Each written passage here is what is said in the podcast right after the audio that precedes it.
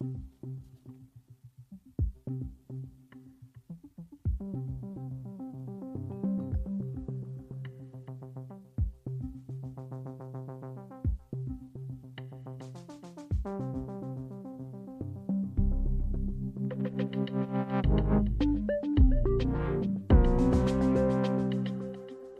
dermed godmorgen og øh, velkommen til en uafhængig morgen her på Den Uafhængige. Og øh, godt nytår!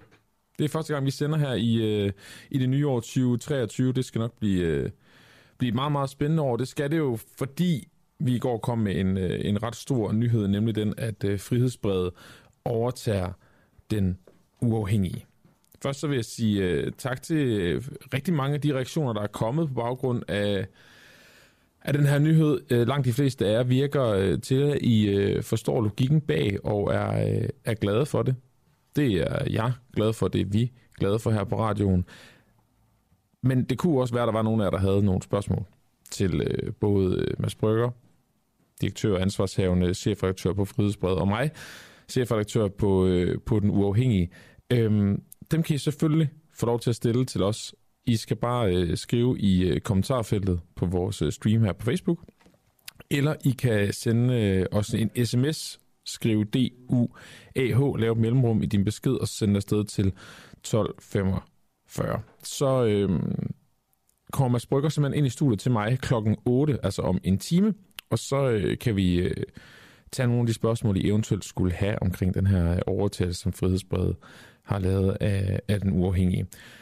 Det øh, gør vi så kl. 8, så skynd dig endelig at skrive spørgsmål, hvis du har dem til mig eller til Mads Brygger, så tager vi altså dem senere. Nu skal vi i gang med programmet. Jeg beklager på forhånd, jeg har en lille smule bøvl med halsen i dag.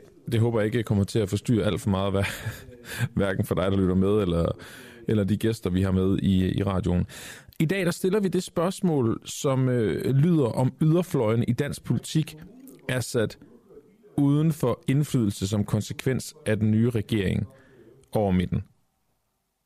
Det er et spørgsmål, som øh, redaktør Peter Svarts han, øh, kom på cyklerne på vej til øh, redaktionen i, øh, i går. Og øh, jeg ved ikke, om der var nogle højere magter i spil, men det, der rent faktisk skete, det var, at øh, et øh, byrådsmedlem fra Københavns borgerrepræsentation, Niels Peder, øhm, øh, øh, Niels Peder han, han skifter fra øh, Nyborgerlige til konservativ Niels Peder Ravn, der var efternavnet. Det kunne være et tegn på, at, øh, at der måske er, er noget om snakken, men øh, det, kan, det kan Niels Peder Ravn jo selv få lov til at, øh, at svare på. Senere øh, på, i programmet, der taler vi også med Pelle Dragsted fra Enhedslisten, om, øh, om partiets vælgere kan forvente, at deres stemme ikke er givet forgæves, nu når de er ude på, på yderfløjen. Nå, men vi øh, lægger ud med at stille det her spørgsmål til øh, netop dig, øh, Niels, øh, Niels Peder Ravn. Godmorgen. Godmorgen, godmorgen. Øhm, du, nu kalder dig Københavner-profilen for, for Nyborgerlig. Det håber du kan, du kan overleve. Øh, lidt endnu i hvert fald. Jamen, det er ja. godt. Du er, du er så netop hoppet til de konservative. Øh, Niels Peter Ravn, har du indset, at du ikke kunne gennemføre Øh, eller hvad har du indset, du ikke kunne gennemføre som, som byrådsmedlem for, for Nyborgerlig, nu hvor du skiftet til, til konservativ? Jamen altså, det er egentlig, det er egentlig meget enkelt. Nu har jeg siddet i et år i borgerrepræsentationen, og øh, det vil jo sige, at jeg så også er kommet ned i maskinrummet på, hvordan fungerer kommunalpolitik i en øh, storby som København egentlig. Og øh, der må jeg simpelthen bare konstatere, efterhånden som året er gået, at, øh, at vi i Nye Borgerliges øh, politiske program ikke helt har det værktøj, som jeg i hvert fald synes skal til for at, øh, for at drive politik i en, øh, en storby. Hvad er det for noget værktøj? Ja, men det er altså øh, Nye Borgerliges politik, som jeg jo skal sige, jeg jo, øh, bakker fuldt op om, og det gør jeg sådan set stadigvæk. Øh, men, men den er måske, altså politik, det politiske program er måske en anelse unuanceret i forhold til for eksempel integration, i forhold til, øh, til socialpolitik i det hele taget, der synes jeg, at det, er, det har været lidt svært for mig at, øh, at ligesom ramme øh, ramme den tone, som jeg kunne bruge til noget. Lad mig give dig et eksempel. Altså, vi har for eksempel i den københavnske folkeskole, der har vi 26 procent tosprogede elever. Og øh, det kan man jo så diskutere, om det er godt eller skidt. Jeg synes jo som udgangspunkt ikke, det er helt optimalt. Men i Nye Borgerlige, der er vores integrationspolitik jo den, at det er et personligt ansvar så bliver jeg jo bare nødt til at sige, hvis det er den politik, jeg sidder tilbage med, så kan jeg jo ikke sige til en flok skolebørn, som formentlig er født øh, og opvokset i Danmark, Danmark måske oven i købet har et rødbedefarvet øh, pas, men et, øh, en anden kulturel baggrund, så kan jeg jo ikke bare sige, at, øh, at det er deres eget problem. Der bliver jeg jo nødt til at kunne gå helhjertet ind i en, øh, en debat om, hvordan får vi de her unge mennesker til at øh, fungere optimalt i, øh, i det danske samfund. Men hvorfor ikke bare gøre det som nyborgerlig politiker? Altså er der ikke plads til i partiet, at du kan blive klogere, og du kan danne dig en, en ny øh, politisk holdning på baggrund af, at du rent faktisk nu får øh, at se, hvad det er, der, øh, der sker i kommunen? Jo, det er rigtigt, men jeg vil jo så sige, at, øh, at, at øh, jeg hørte lige at i indledningsvis, de nævnte, om man kan stole på, at man får, hvad man, man stemmer på, og der vil jeg bare sige, at det gør de mennesker, der har stemt på mig sidste år. Selvfølgelig gør det det, fordi sandheden er, at, at det ideologiske tankegås fra det konservative folkeparti til Nye Borgerlige er jo ikke stort forskelligt. Det er det simpelthen ikke. Men jeg bliver bare nødt til at anerkende, at det konservative folkeparti simpelthen har flere stykker værktøjer nede i den politiske værktøjskasse. Og det, øh, det, det føler jeg mig simpelthen mere bekvem ved at, øh, at kunne, kunne men er, arbejde. Men er, er, det, er, er det værktøj så, at der er plads til, at du kan trække lidt i land? Nej, jeg, jeg er ikke typen, der, der trækker land. Det håber jeg, at, øh, at folk derude har, øh, har forstået. At Nå, det, det er, er som, at, at realiteterne har... Altså, når du ligesom kommer med en borgerlig ja. politik, og så har du kigget på realiteterne, så sagt, det giver faktisk ikke mening. Jamen, det, og, det, og det gør det ikke. Altså, altså det, det, der er ikke nogen tvivl om, at Nye Borgerlige øh, øh, er et parti, som har stort fokus på det, hvad skal vi sige, lidt mere rurale, det lidt mere landlige i Danmark.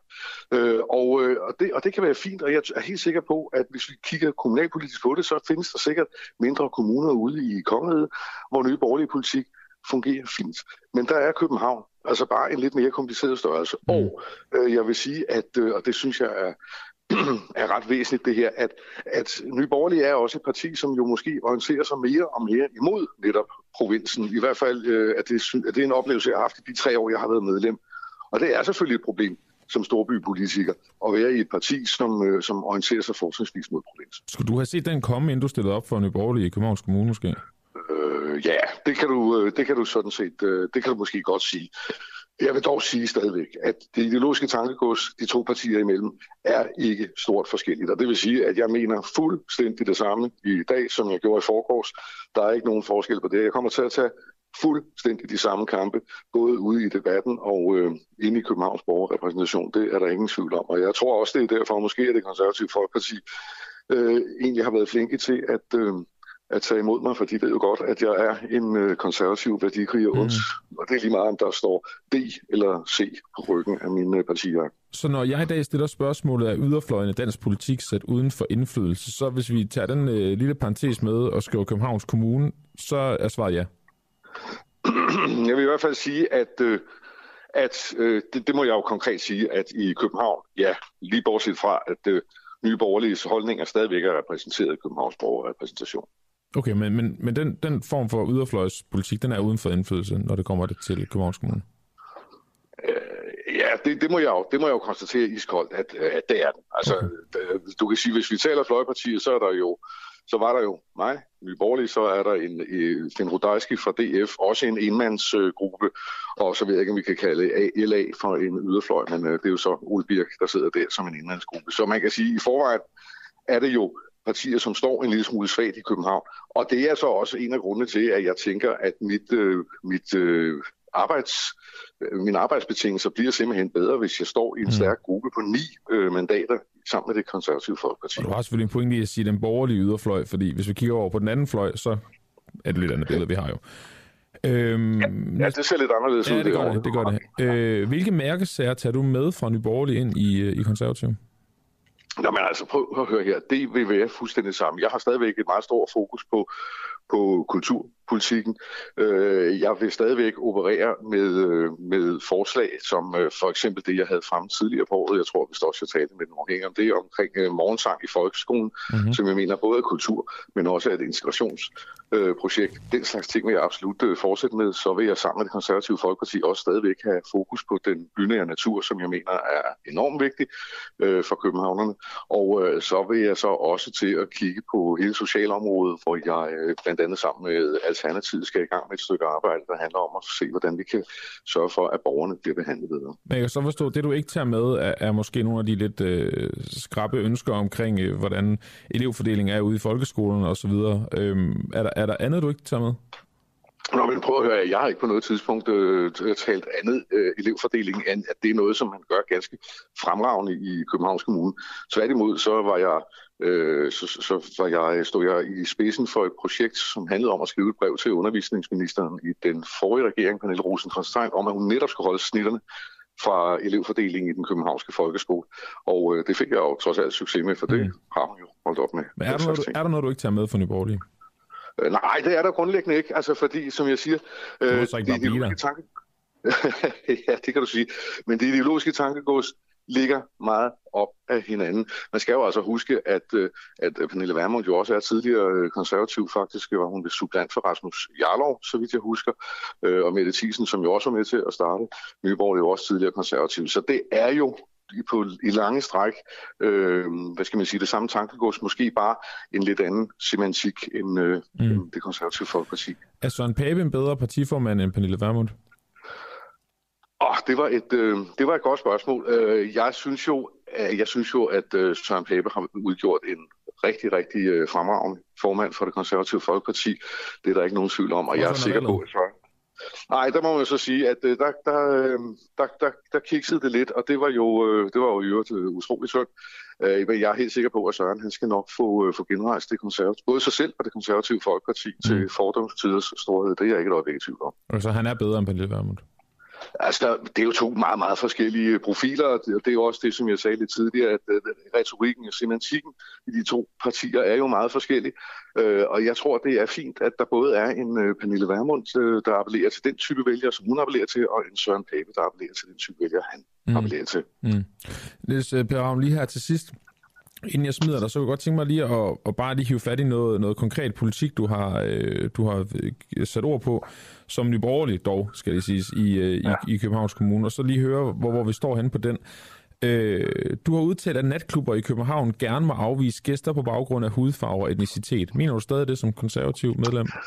Øh, jeg er glad for, at du tager den her sag op, fordi øh, jeg, jeg synes jo, det, det var jo en artikel fra Altinget, som lige bestrammede lidt. Jeg, jeg tror nok, at det, som i virkeligheden er essensen med i den artikel, det er jo, at det, jeg siger, det er, at det radikale venstre i det her tilfælde ikke skal lægge regningen for 30 års fejlslagende integrationspolitik i døren i en natklub. Det var det, jeg faktisk sagde. Mm. Og jeg sagde, at jeg forstod godt, at man som natklubejder skal have en forretning til at fungere, ikke lukker hvem som helst ind, hvis man godt vil have, at, øh, at forretningen skal køre rundt. Det er jo faktisk det, jeg sagde, hvis man læser lidt ned i artiklen, og jeg synes, at alting strammede den der overskrift lige en anelse, men omvendt så fik det da, fik det da skabt en god debat. Okay, men må, må natklubberne i København ifølge dig gerne afvise på baggrund af hudfarve og etnicitet?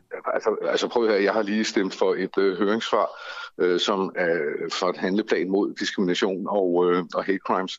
Selvfølgelig skal man ikke diskriminere folk.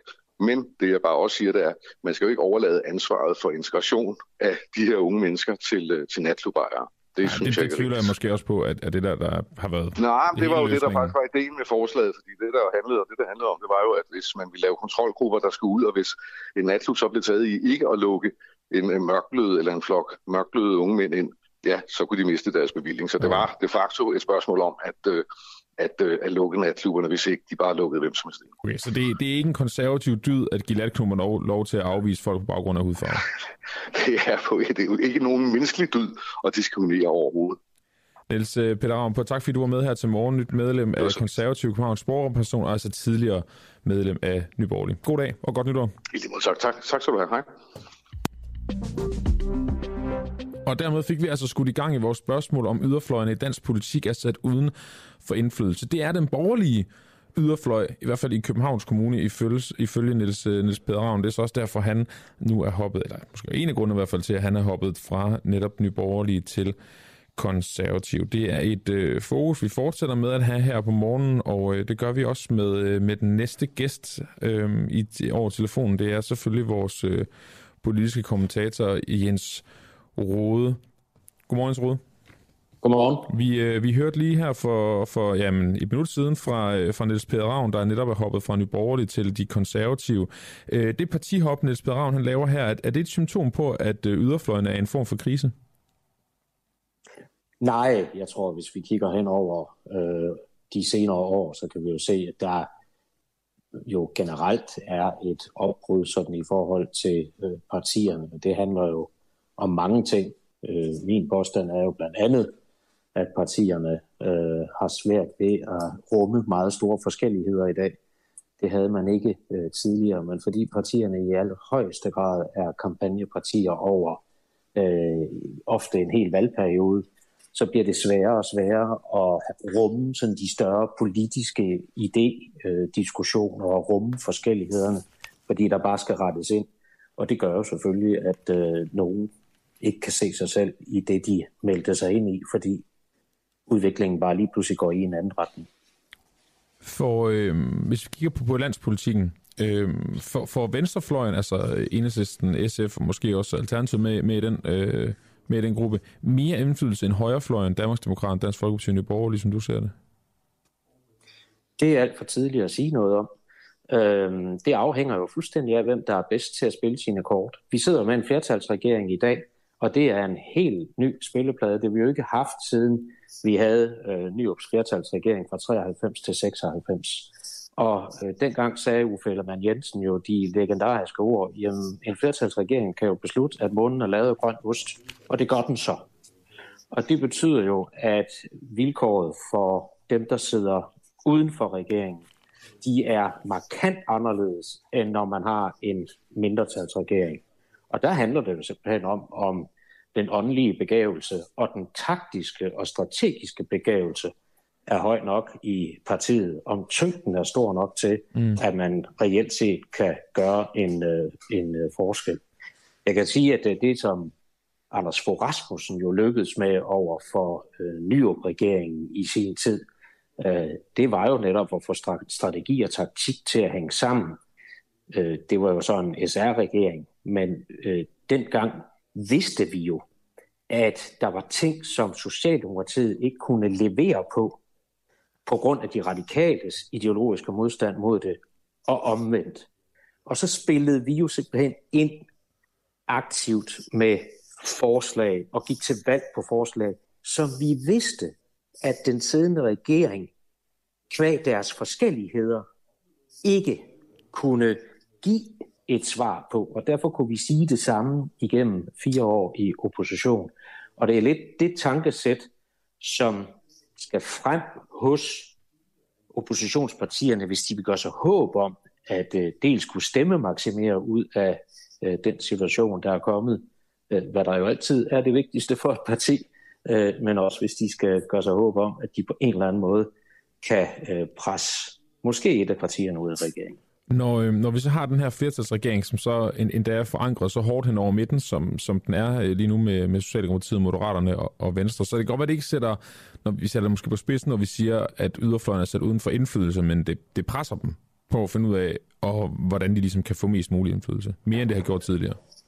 Altså de partier, der sidder uden for regeringen i dag, og som før talte om Mette Frederiksens og regeringens magtfuldkommenhed igennem de sidste tre år, de kommer inden længe til at ønske sig tilbage til de gode gamle dage, hvor der alene var en etpartiregering i Danmark. Jens Rode, tak fordi du var med her til morgen, foranværende folketingsmedlem, og øh, nu altså politisk kommentator her for os på Den Uafhængige. God dag. God dag. Vi øh, fortsætter den her diskussion i, øh, i næste time. Der taler jeg nemlig med Pelle Dragsted, der skal fortælle lidt om, hvordan det er fra ja, som yderfløjsparti på venstrefløjen og stiller samme spørgsmål til ham. Nu skal vi til en, øh, en helt anden historie, nemlig om øh, de psykologistuderende på Københavns Universitet. I øh, december måned, der øh, blokerede flere psykologistuderende indgangen til det institut, hvor deres undervisning foregår på Københavns Universitet. Og det gjorde de simpelthen på grund af, af utilfredshed omkring selve opbygningen af fakultetet, og også øh, den pensumliste, der var, der var blevet lavet. Det, øh, har så medført, at der nu er indgået et kompromis, og de studerende de nu mødes og, og taler med blandt andet undervisere og fakultetet generelt, for ligesom at finde en løsning. Det gør, at jeg stiller spørgsmål om de psykologistuderende på Københavns Universitet er forkælet, eller om underviserne måske omvendt er nærtagende. Det øhm, taler jeg med dig om Lasse Pedersen. Godmorgen. Oh, Lasse, kan du høre mig her, Lasse? Ja, det kan jeg. Det kan du, Lasse Pedersen, psykologistuderende på Københavns Universitet. Lasse, jeg har lige ridset øh, sagen sådan forholdsvis kort op, men jeg vil godt tænke mig, at, øh, at du gjorde det for mig. Øhm, hvilke ja, konkrete problemer lå der bag den blokade, I, øh, I begyndte og afsluttede i, i midt-slut december? Ja, altså blokaden den startede jo egentlig øh, som en reaktion på en, en bevægelse, som der var en gruppe af 13 psykologistuderende, som øh, egentlig startede med at, øh, at, at lidt få, få nys omkring. Øh, det, den skete som en reaktion på en, en, en reduktion eller en, en indskrænkning af vores pensum. Øh, tilbage i 2021 allerede, så var der faktisk en gruppe, øh, som jeg nævnte før her, som besluttede sig for at undersøge en masse af vores pensumlister. Og her der fandt de ud af, at der egentlig var sket en, øh, en, en indskrænkning, en faglig indskrænkning mm. af nogle af øh, socialpsykologi og pædagogisk psykologi. Lasse Pedersen, som jeg forstod det, så var der både noget konkret med, hvordan jeres øh, forskerklynge forskningsklynge i fakultetet øh, ligesom var sat sammen, og så også, som du selv siger her, her pensumlisten. Øh, hvad var det konkret ved, ved pensumlisten, der var noget galt med? Det konkrete ved pensumlisten var en, en indskrænkning af, af kulturelle perspektiver, og generelt, at øh, den ikke rigtig levede op til den studieordning, som, øh, som ligesom er rammesat for, øh, for det fag, øh, udviklingspsykologi. Øh, okay. den, Hvad var det for nogle bøger? Hvad det var for nogle bøger? Ja. Jamen altså, vi øh, mangler over og savner nogle, nogle, øh, nogle, nogle af de teoretikere, som vi havde på før. Øh, mm. Valskin og, og, øh, og Vygotsky, øh, for ligesom at nævne nogle, nogle stykker. Øh, det er nogle, øh, nogle perspektiver, som meget kort er dækket i, i sådan nogle fagbøger, som de så har, øh, har sat på pensumlisten nu. Men, øh, men det er meget øh, kortvejt øh, perspektiver, og noget, som før fyldte rigtig, rigtig meget mere. Okay. Øh, generelt så øh, er der lavet en stor analyse af det øh, fra de studerendes side af, og det man ligesom fandt, det var, at, at det, som var blevet godkendt i studienævnet, ikke rigtig syntes så kunne leve op til, til den studieordning, som vi jo øh, skal holde os til. Og det skabte en vis, en vis uforståelse blandt de studerende.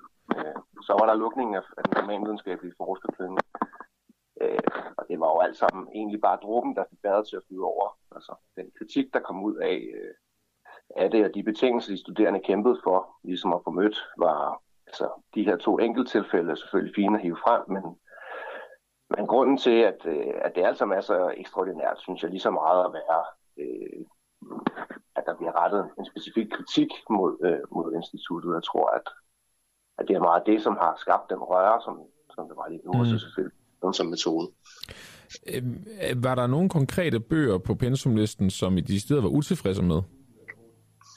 Ja, altså der er en, øh, en grundbog, øh, som nu her, øh, hvad kan man sige, er meget, øh, hmm, den er meget kognitionsteoretisk, og den er meget sådan festnet på, øh, øh, det er noget, som ligesom forsøger at, synes jeg, øh, udvande de her perspektiver en lille smule. Øh, har du læst ligesom, den? Om jeg har læst den? Mm.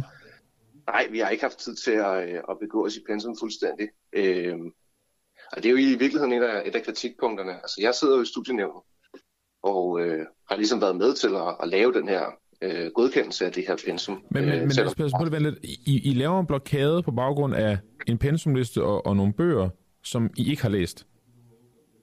Ja, men nu, nu taler det jo til mig som, øh, som enkeltperson. Øh, man kan sige, at vi har jo kort haft tid til at orientere os i pensum, men hele kritikken, som vi retter, går jo på, at vi netop ikke har tid til at orientere os i pensum. Hvordan skal vi godkende ting, og hvordan skal vi have med ting og sige, at demokratisk at ting bliver vedtaget, hvis det er, at vi ikke har ordentlig tid til ligesom at gå ind i de ting, som vi skal sige god for. Det er problematisk så bliver men, vi nødt til men, men svarer det ikke til, at jeg læser et resume af krig og fred, og så siger jeg, at jeg har læst det hele? Nej, det synes jeg ikke. Øh, det, som det jo er, det er, at problematikken opstår som en reaktion på, at man netop ikke har tid til at begå sig ordentligt i det pensum skal gennem, gennemgås. Jeg kan godt se en pointe. Jeg kan godt se, at, øh, at det her med, at blokaden øh, øh stiftes på baggrund af, at Øh, eller dit argument omkring, at blokaden skulle være stiftet på baggrund af, at vi ikke havde læst pensum, det, det, det synes jeg ikke rigtig, det synes jeg er en lille smule misvisende for, for hele blokadens grundlag. Altså, hvis der er nogen, der skal kritisere til det her tilfælde, så synes jeg, at det er de undervisere, som sidder og, og godkender noget pensum, som heller ikke de har læst. Altså, de fire folk, som sidder inde i, inde i studienævnet sammen med os, de har jo heller ikke begået sig i pensum. Og alligevel bliver det godkendt. Det kan jo så være, at også skal stille samme spørgsmål til dem i virkeligheden jo. Men, men, men nu, nu er det så lidt dig, jeg har, Lasse Pedersen. Men, men kan du godt se, hvor jeg, hvad jeg mener med det her? Altså, I laver en blokade med, jeg ved godt, der er flere utilfredsheder, men nu fokuserer jeg lige på det med, det med pensumlisten. Ja, det synes jeg, du skal. Og, og, og, og så har I ikke, men, men, men så har I ikke, I har ikke læst den bog, som I mener, de bøger, jeg ved ikke, om der er flere, øh, som I mener ikke er god nok. Hvordan skulle vi have tid til at læse den bog? Det ved jeg ikke, men jeg tænker bare, det, det ved jeg ikke, men når man laver en blokade, hvor, hvor det er en af tingene, så kunne man vel godt forestille sig, at, at det så var noget, man netop havde gjort, som man vidste, her, her, her øh, holder bogen ikke, den mangler det og det og det. Men det har I ikke gjort. Jamen det, det har vi jo gjort efterfølgende, har vi jo orienteret os i de her værker, men vi har jo ikke tid til at sidde og læse flere tusind siders grundbog og lave samtidig en reaktion, som, altså, som skal være vedrørende og nutidig, før at det her pensum bliver godkendt. Altså, der er jo pålagt os en vis tidsfrist, hvis vi ligesom skal nå at gøre noget ved pensum. Det som vi jo opfordrer til i studienævnet på det pågældende tidspunkt, da den her liste den skal godkendes, det er, at der bliver afholdt et seminar, hvor fagkoordinator har mulighed for netop at klarlægge, hvad er det, der er på den her udviklingspsykologiske pensumliste. Vi modtager et stykke, hvor at vedkommende har ændret rigtig, rigtig meget, eller undervisningsgruppen har ændret rigtig, rigtig, rigtig meget. Mere end hvad det vil være fair at sætte både fire studerende og fire undervisere, som sidder og skal godkende det, øh, til at læse igennem forud for godkendelsen. Mm. Der følger ingen argumenter. Så det, der bliver lagt op til, det er, at vi i stedet for får en eller anden form for godkendelsesprocedure, hvor det er, at underviser eller undervisergruppen har mulighed for at retfærdiggøre, eller ikke retfærdiggøre, som om vi skal stå på forsvar for det, men at argumentere for, hvad det er for nogle tanker, der ligger bag ved ændringen af udviklingspsykologisk pensum. Det er jo virkelig det, som skaber en god platform for diskussion. Det handler jo ikke om at skulle orientere sig fuldstændigt i pensum forud for at kunne godkende det. Det handler om at kunne blive ført ind i det af en underviser, før at det godkendes. Mm. Hvis ikke det er noget, der foregår ordentligt, hvordan skal vi så kunne have en eller anden diskussion? Hvordan skal vi kunne føre kritik mod hinanden? Og hvordan skal vi diskutere? Det er det, der er så fucking vigtigt. Undskyld. Det gør ikke noget. Grundvigtigt i vores fag. Hele kritikken i virkeligheden også det, som... Øh, altså, ja, hele kritikken, hele konceptet omkring kritik som værende noget, der skaber noget, noget at anse det som positivt, det er grundlaget for, at vi kan fungere som psykologer og have forskellige perspektiver med. Men hvis ikke vi bliver givet det grundlag, hvis ikke vi får de perspektiver med, så har vi et seriøst problem. Vil, vil jeres kritik have stået stærkere, hvis I rent faktisk havde læst pensumlisten og bøgerne? Om vores kritik ville have stået stærkere? Øh, jeg tror, at vores kritik ville have stået et andet sted, fordi langt hen ad vejen... Vil den have stået et stærkere sted eller et sværere sted? Øh, jeg tror, den ville have stået et andet sted. Og den har stået et andet sted, fordi meget af det, fordi meget af det handler også om magtforhold. Mm. Altså, det er meget svært for en studerende stadigvæk at ligesom rejse sig op og rette kritik mod nogen, hvis det, der ligesom udgør, at man skal give kritikken, er, at man skal kende svaret på forhånd. Nogle gange, så er det altså også fint bare at stille et åbent spørgsmål, og så ligesom arbejde med, sammen med et andet menneske, hvordan man når frem til et eller andet. Men altså, det er vel også okay man... at, at stille et åbent spørgsmål på sådan et oplyst grundlag? Ja, selvfølgelig er det okay at stille et spørgsmål på et oplyst grundlag, men jeg tager også en lille afstand til, at vi ikke skulle have orienteret os ordentligt. Konceptet er jo, at vi står over for en 100% ændring af pensum fra den ene dag til den anden. Mm. Havde vi snakket omkring øh, det gamle pensum, så havde der jo været en masse, der havde orienteret sig i det. Mm. Men problemet er, at de studerende oveni en ret travl hverdag skal kunne fungere ud i fremtiden på en eller anden måde, eller sådan at vi i retrospekt øh, bliver nødt til at diskutere altid. Altså at vi bliver fremstillet over for noget, så skal vi bruge flere måneder på at kunne, kunne, på at kunne tilegne os kompetencerne til at kunne snakke om det, og først der kritisere det. Men der er ændringen sket. Lasse Pedersen, jeg ved, at en af de her bøger på pensumlisten, dem, øh, dem læser de psykologistuderende faktisk på Aarhus Universitet. Har, har, ja. du, har du talt med dem for at høre, hvad de synes om bogen? Nej, men vi inviterer virkelig, virkelig meget bredt til at høre mere. Øh, vi er ikke bekendt med, at, øh, at de har det på pensum til, på, på Aarhus Universitet. Øh, vi har inviteret ud til de forskellige øh, studenterfaggrupper, øh, da vi ligesom startede blokaden. Okay, men I, og, I, har ikke, I har ikke undersøgt, om der var nogle studerende, der rent faktisk læste nogle af de bøger, der var på den nye pensumliste, og så spurgt dem? Nej, det, om, om det, de har vi ikke, det har vi altså ikke lige haft tid til. Det vi har haft tid til, det er at reagere på de konkrete ændringer, vi står med. I virkeligheden mm. så er netværket omkring psykologistuderende ikke sådan særlig godt, men vi har prøvet at, at skabe en kontakt mellem de andre grene. Har, har man travlt, når man blokerer et institut? Altså har man så meget at lave? Altså, hvordan foregår det sådan tidsmæssigt? Altså, altså ja, man har rigtig travlt. Okay. Øh, selvfølgelig har man det. Der er enormt meget, der skal koordineres. Der er mange vagtplaner, og så er der mm. et enormt øh, kontakt med pressen, samtidig med, at der skal opretholdes en dialog med øh, dem, som man ligesom skal have forhandlinger med. Mm. For mit eget vedkommende, så øh, har jeg jo prøvet at tage et skridt tilbage fra det, og koncentrere mig om min post i studienævnet. Så alle, der har været involveret i blokaden, har haft vanvittigt travlt.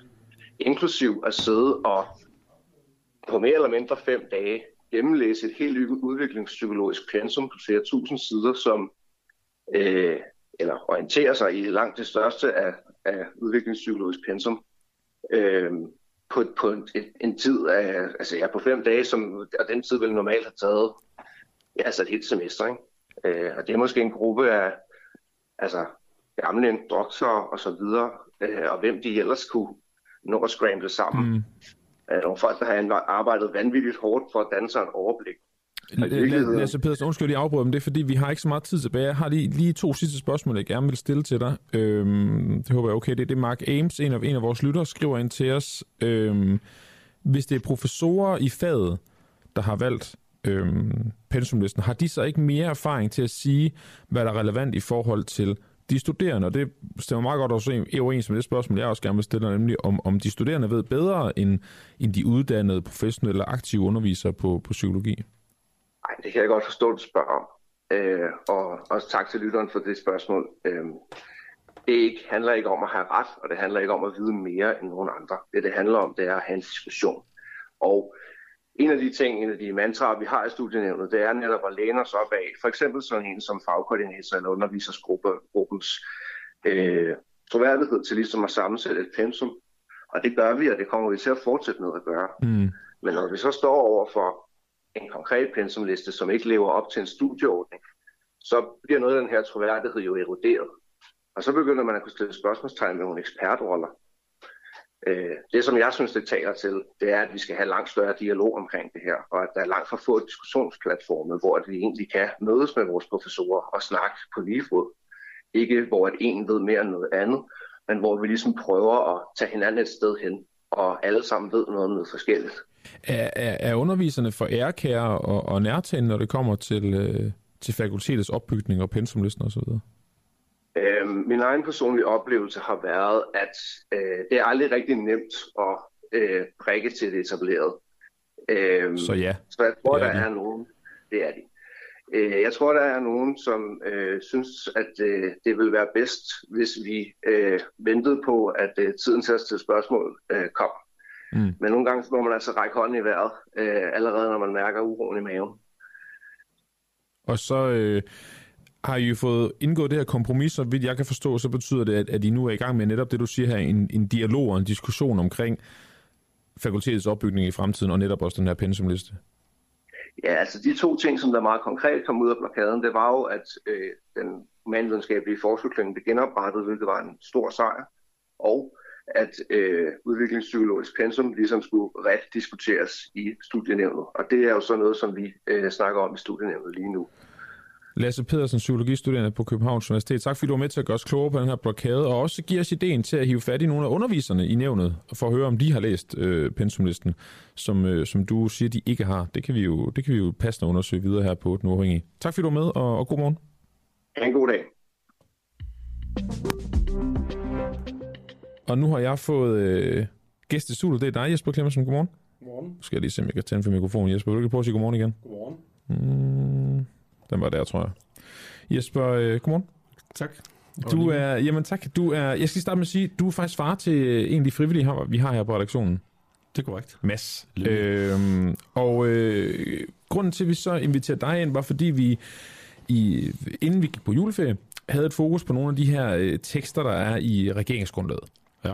En af dem lyder, at vi skal, nu læser jeg lige det hele op, gøre det mere attraktivt for seniorer at blive på arbejdsmarkedet, herunder bekæmpe diskrimination mod seniorer, der ufrivilligt holdes uden for arbejdsmarkedet.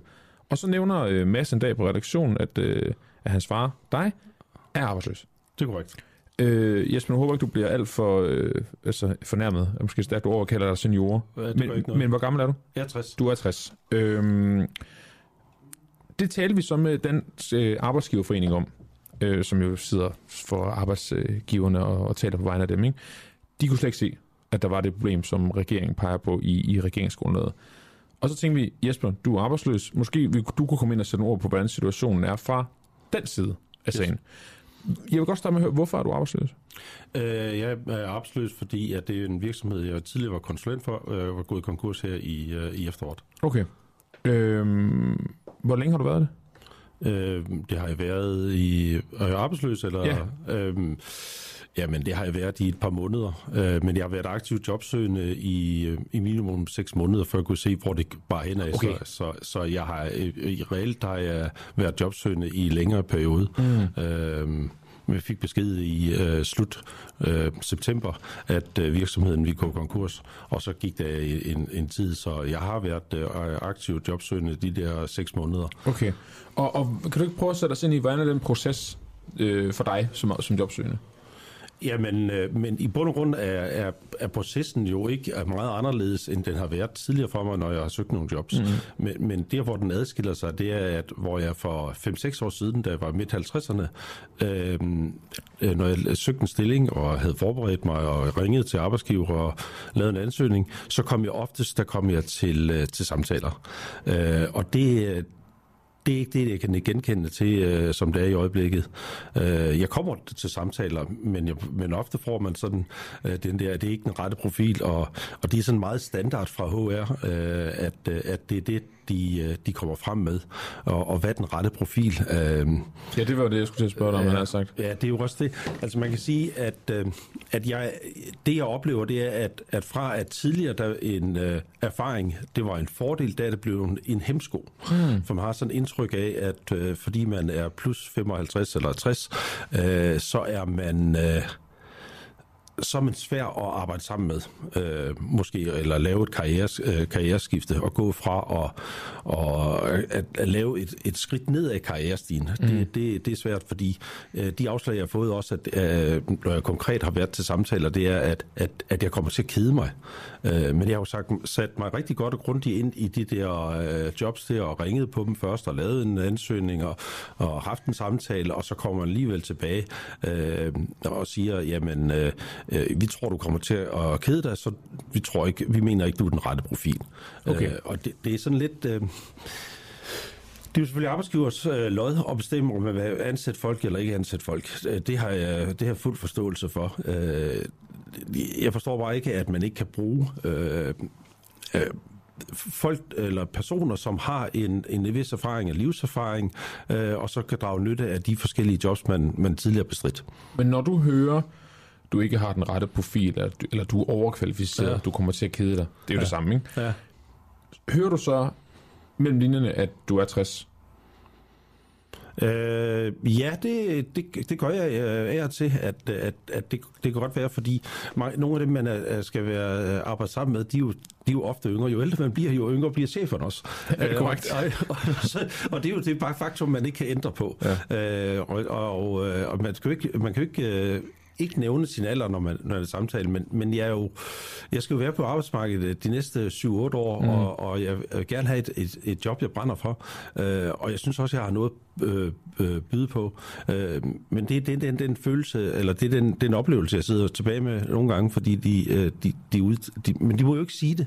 Altså, det er jo, det er jo en disk- diskrimination, og det, det er jo, det man må ikke sige. Og det er jo det, der er interessant i det her, Jesper ja. Clemmensen, fordi men modargumentet er også bare, måske du bare er overkvalificeret, og måske du faktisk er velkommen til at kede dig, og måske du ikke har den rette profil.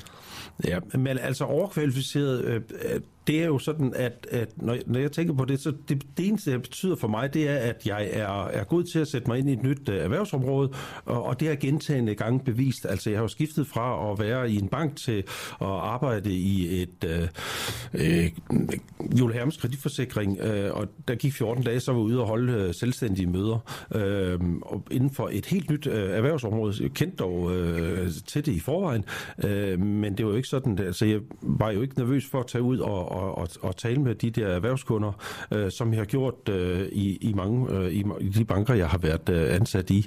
Øh, og, det, og det samme gjorde sig gældende, da, da jeg, jeg var i en, øh, et leasingselskab. Øh, efter 14 dage var jeg også ude og, og holdt lidt møder der. Øhm, det første kvartal, øh, det gik det øh, fint nok, men, men de efterfølgende syv kvartaler var jeg den bedst sælgende i, øh, i hele Danmark, øh, eller i hvert fald top, øh, top 3 hele tiden. Så, så jeg forstår ikke rigtig øh, problematikken som sådan. Bliver du aldersdiskrimineret? Ja, det håber jeg jo ikke, men, men det, det tror jeg, jeg gør. Det tror du, gør? Ja, det tror jeg, jeg gør. Det, det, til en vis grænse, det, det tror jeg, jeg gør. Når, øhm, når vi så taler med Dansk Arbejdsgiverforening, som, som jo så var ret uenig, jeg gætter så på, at du er enig i, i regeringsgrundlagets tekst, som jo netop sætter ord på, at det skal bekæmpes, og det er noget, der finder Jamen, sted. det er, det er jeg øh, enig om, ja. hvor, hvor man kan gøre det lovgivningsmæssigt eller et eller andet, fordi at, altså, det vil jo hjælpe selvfølgelig at komme til flere samtaler. Mm. Fordi så kan man sige, når man først kommer til en samtale, så, så er der slået en streg i sandet, og så kan man være tre eller seks kandidater, og så står man i princippet lige. Mm. Jamen, det er jo interessant, om man lovgivningsmæssigt kan gøre det. Jeg synes jo, det, det kan lyde som om, hvis man går ind i lovgivningsmæssigt og, og kigger på det, så fjerner man en, en frihed, som er svær at fjerne fra en, fra en arbejdsgiver. Ja, det er jo også derfor, det, det, det, det, er, jo, det er jo også det, der er det. Det er jo arbejdsgiver, der bestemmer, mm. fordi i sidste ende er dem, der skal, ja. der skal ansætte en. Uh, men men det, det, det, der er en, en holdningsmæssig ændring ved de, uh, ved de uh, chefer, man, uh, kommende chefer, man skal ind, og også medarbejdere som sådan. Uh, uh, det, det, det tror jeg også. Øh, det, man skal tænke på i bund og grund med, med seniorer, det er jo, at, at livserfaring betyder rigtig meget. Øh, altså, jeg, jeg, det job, jeg får nu, øh, det skulle jeg jo gerne have de næste 7-8 år. Mm. Og øh, altså, jeg har jo ingen små børn. Øh, Ja, det, det altså, og, og jeg er jo stabil arbejdskraft. Øh, jeg kommer, når jeg skal, og så går jeg sådan, øh, når jeg er færdig, sådan rimelig, ikke? Jesper, vi, øh, vi talte som sagt øh, inden jul med, med Dansk Arbejdsgiverforening, og de siger blandt andet til os, at hvis vi ser på de helt grundlæggende tal, så er ledigheden meget lav for seniorer på arbejdsmarkedet. Beskæftigelsen er høj, den er stigende. Mister man sit job, så får man faktisk et job stort set lige så hurtigt som andre aldersgrupper. Søger du de forkerte jobs måske? Nej, altså jeg, jeg er gået meget bredt øh, nu her. Altså man kan sige, for 5-6 år siden, der, der søgte jeg kun øh, jobs øh, specifikt inden for, øh, for øh, banker og leasingselskaber og, og sådan nogle ting. Og nu, er jeg, nu går jeg meget mere, mere bredt, øh, og, øh, og jeg skal, øh, jeg skal faktisk til, øh, til sådan øh, en, øh, en i lufthavnen i morgen mm. øh, som security-medarbejder. Øh, og, øh, og, og, og det, det ser jeg jo selvfølgelig frem til. Øh, og, øh, og der, der er nogle andre kvaliteter, de åbenbart øh, de, de søger der. Øh, og og, og det, det er jeg jo selvfølgelig glad for. Øh, og, og altså, jeg er, jo bare, jeg er jo glad for at komme til en samtale som sådan. Mm. Øh, men, men jeg har søgt meget mere bredt nu, end jeg har gjort tidligere. Øh, og og øh, og, og det der med at sidde og kede mig, altså i øjeblikket, der sidder jeg og arbejder for et analyseinstitut og ringer ud øh, om aftenen mellem, øh, mellem klokken 5 øh, og klokken 9, og, øh, og hvis der er noget, der er øh, øh, altså monotont, og, og, og den, så er det jo at stille de samme spørgsmål i fire timer træk. Ja. Og så komme igennem, og så det der. Så den der med at komme til at kede sig, øh, det synes jeg ikke rigtigt er, det, det gør jeg ikke, fordi øh, altså, nu prøver jeg jo så på at, at være, bare være den bedste, og så vil jeg gerne ligge i, hvis vi er 7-8, øh, så vil jeg gerne ligge i top 3 i hvert fald, med at få flest øh, øh, interviews igennem. Lige her til sidst, så, øh, så siger Dansk Arbejdsgiverforening også til os, det deres, øh, deres visdirektør for beskæftigelse, at han mener, at regeringen går for langt i forhold til, hvad man overhovedet kan konkludere, altså når de siger, at det skal bekæmpes diskrimination. Han mener, de hælder mere til enkelt cases, end de faktiske tal. Jeg tænker bare, jeg vil høre dig, Jesper. Du er jo en enkelt case, kan man sige, det på, på, på det her. Har du øh, venner, tidligere kollegaer, som er i lignende situationer, eller, eller står du alene? Nej, jeg står ikke alene. Nej. Altså, øh, jeg har engageret mig med et øh, med en øh, med, øh, med et bureau, som øh, koncentrerer sig om at, at, at få placeret øh, 50 plus, og så håber jeg på også, at de kan gøre det ved en, der er fyldt øh, 60. Øh, og øh, og, det, og det, så man kan sige, hvis, hvis der ikke var et behov, så havde det virk, den virksomhed jo ikke nogen øh, berettigelse. Det vil jeg ikke, det vil jeg ikke mene. Øhm, hvordan man skal løse det, det er, ikke, det, det er, det er svært for mig at, at, at, at give svar på, øh, men man, man skal i hvert fald gøre en, øh, en vis... Øh, være opmærksom på, at det her det er et latent problem, og, øh, og det kan også være et større grå område, hvor man siger, jamen vi ved ikke rigtig lige, hvordan det er, men det er da bemærkelsesværdigt, at jeg tidligere, øh, for fem år siden, altid kom til samtale, og det gør jeg ikke øh, så meget mere. Lige til sidst, øh, Jesper, så har Kenneth skrevet ind til os, at alderen gør også, at man øh, med meget erfaring også skal have mere i løn. Der i ligger diskriminationen formentlig. At du er frisk på at gå ned i løn for at få et arbejde? Jamen, jeg er særdeles frisk til at gå ned, øh, okay. ned i løn. Det, det, er ikke et, det her det er ikke et lønspørgsmål for mig overhovedet. Øh, altså, lønnen, det er ikke det afgørende. Jeg er godt klar over, at, øh, at jeg ikke får det samme løn, som da jeg erhvervsmæssigt pikkede med 45-50 år. Øh, det er slet ikke det. Øh, og, og, og når jeg bliver til spurgt med hensyn til løn, så siger jeg, at det skal være en løn, øh, der passer til jobbet.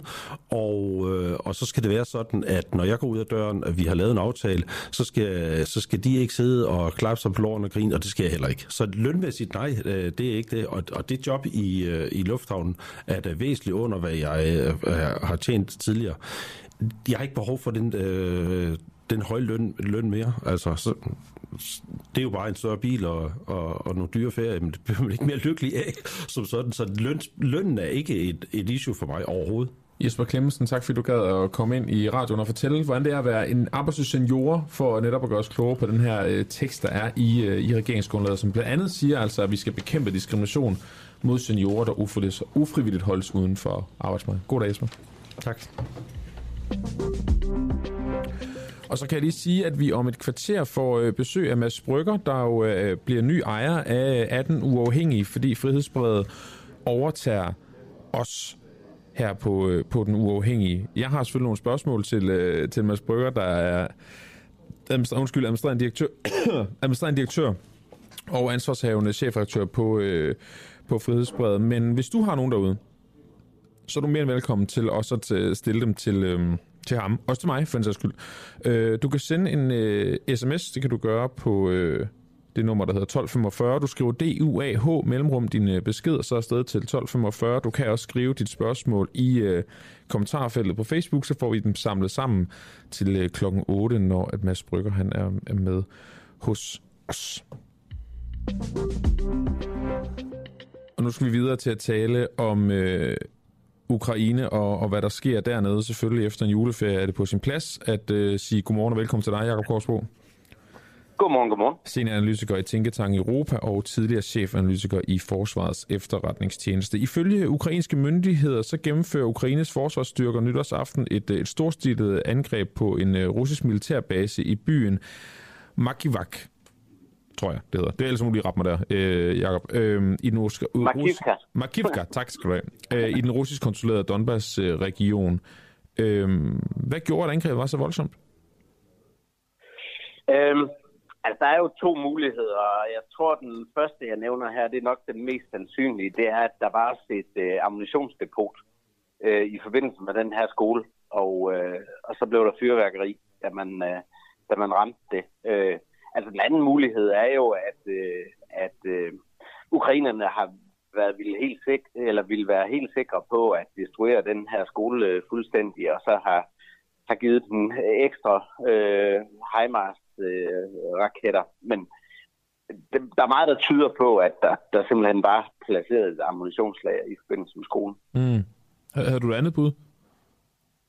Jo, men det andet var, at øh, ukrainerne øh, simpelthen har, har, har givet den ekstra øh, HIMARS-raketter, mm, hvis der klar. har været et, øh, et, et, et, nogle meget attraktive mål, altså nogle højtstående officerer, øh, et eller andet, hvor man så har tænkt, øh, nu, øh, nu, nu skal vi være sikre på, at, øh, at alle bliver taget ud. Øh, men, øh, men der er meget, der tyder på, at der simpelthen var et ammunitionsdepot. I, øh, ifølge ukrainske myndigheder, så blev 400 russiske soldater dræbt i angrebet, mens 300 blev såret. Og så nu er det, det er jo klassisk krigsdialog det her, fordi så ifølge de russiske myndigheder, så er tabstallet under 100, det skriver, det skriver Reuters. Hvem skal man tro på, når det kommer til de her tabstal? Øhm, altså, jeg, jeg vil sige, at Ruslands track record med deres tabstal, den er ikke, den er ikke så god. Øh, den, den plejer man at skulle gange med omkring 10 øh, for, for at komme tæt på sandheden. Okay. Men, øh, men øh, altså, dermed heller ikke være sagt, at de ukrainske øh, er, øh, estimater er præcise. Men, men altså, hvis man for eksempel læser russiske kilder, ikke, øh, vidnesbyrd fra pårørende til de her mobiliserede øh, enheder, fordi det var øh, to mobiliserede enheder, der var placeret øh, på den her skole, øh, jamen så tyder det på, at der var flere hundrede. Okay. Og det er øh, 200 eller 400, det skal jeg, det skal jeg ikke kunne sige, men, øh, men, øh, men det, det tyder altså på, at det er meget omfattende tab. Okay, men så, så vi skal dividere Ruslands med 10, men, eller hvor vi skal gange Ruslands med 10, men vi skal, vi skal også halvere Ukraines, eller hvad?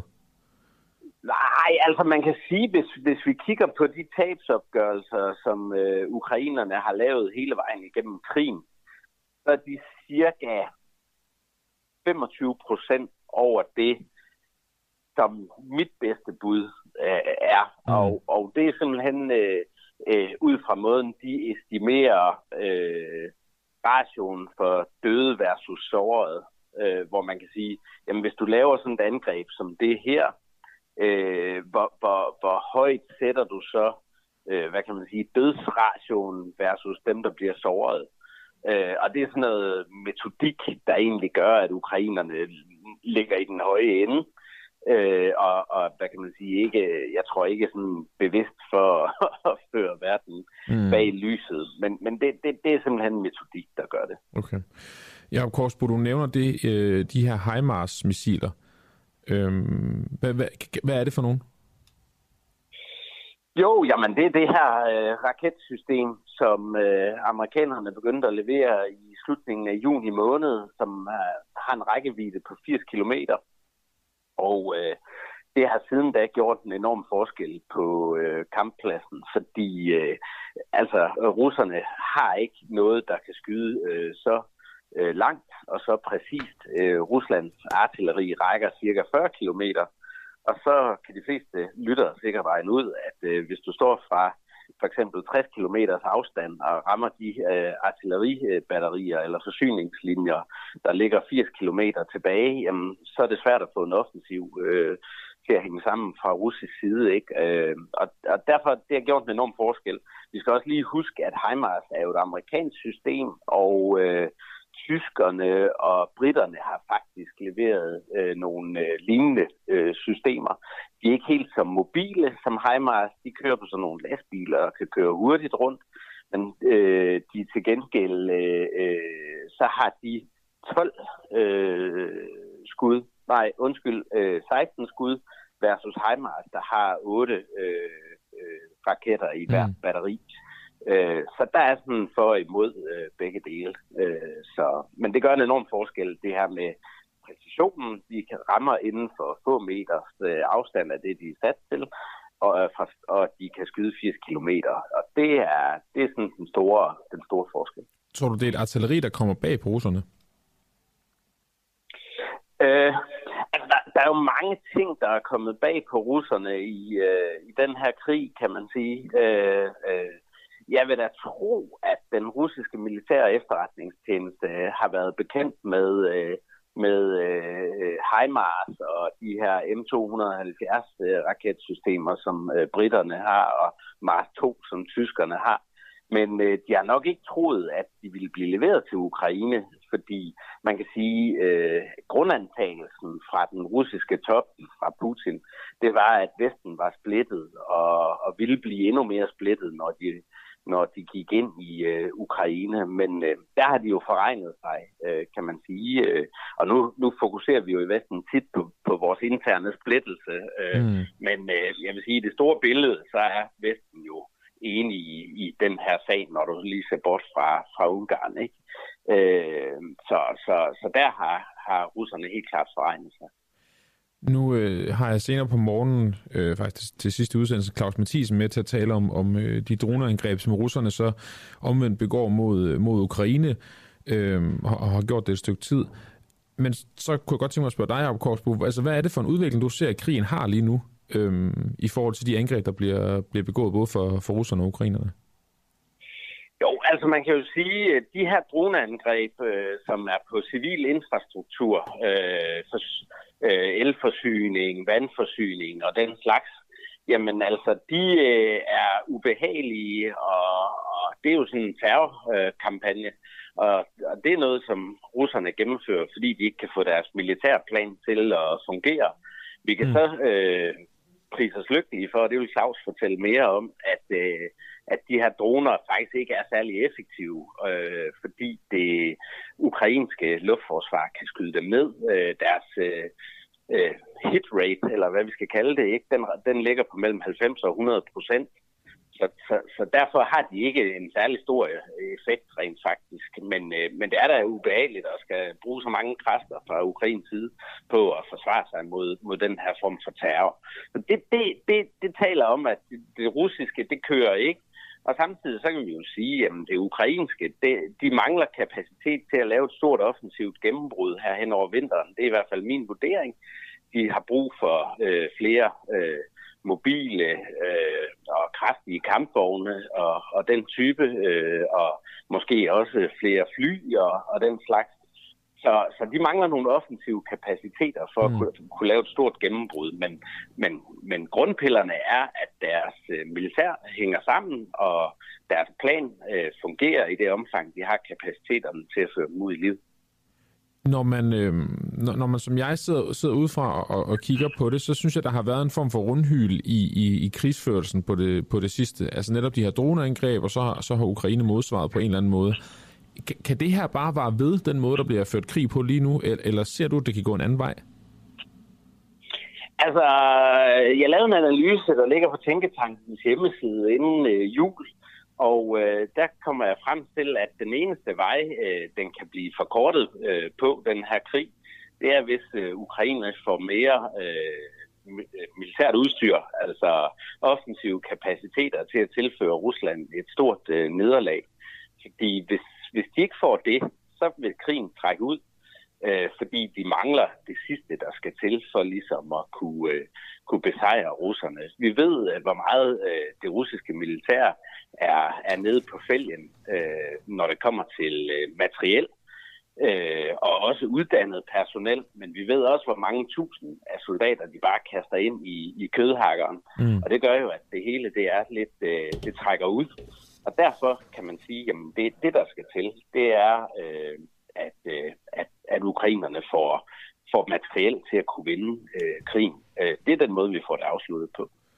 Og Zelensky, Ukraines præsident, har jo også været ude at sige i en, øh, i en tale, at Rusland planlægger en langvarig kampagne med droneangreb i et forsøg på at demoralisere den ukrainske befolkning. Altså netop, at der er noget udtrætning, noget udmattelse i det her.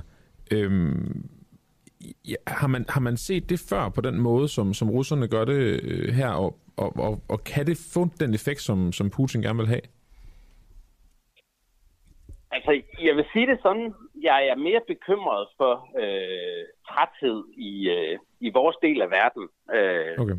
end, øh, end jeg er blandt ukrainerne, fordi øh, jeg er sikker på, at den, øh, den her russiske strategi om at trække krigen i langdrag, den kommer ikke til at virke i forhold til ukrainerne. Altså, det, for hver dag, der går, så hader de russerne endnu mere. Øh, og det, det er egentlig... Øh, så, så den her terrorkampagne, den virker ikke over for ukrainerne.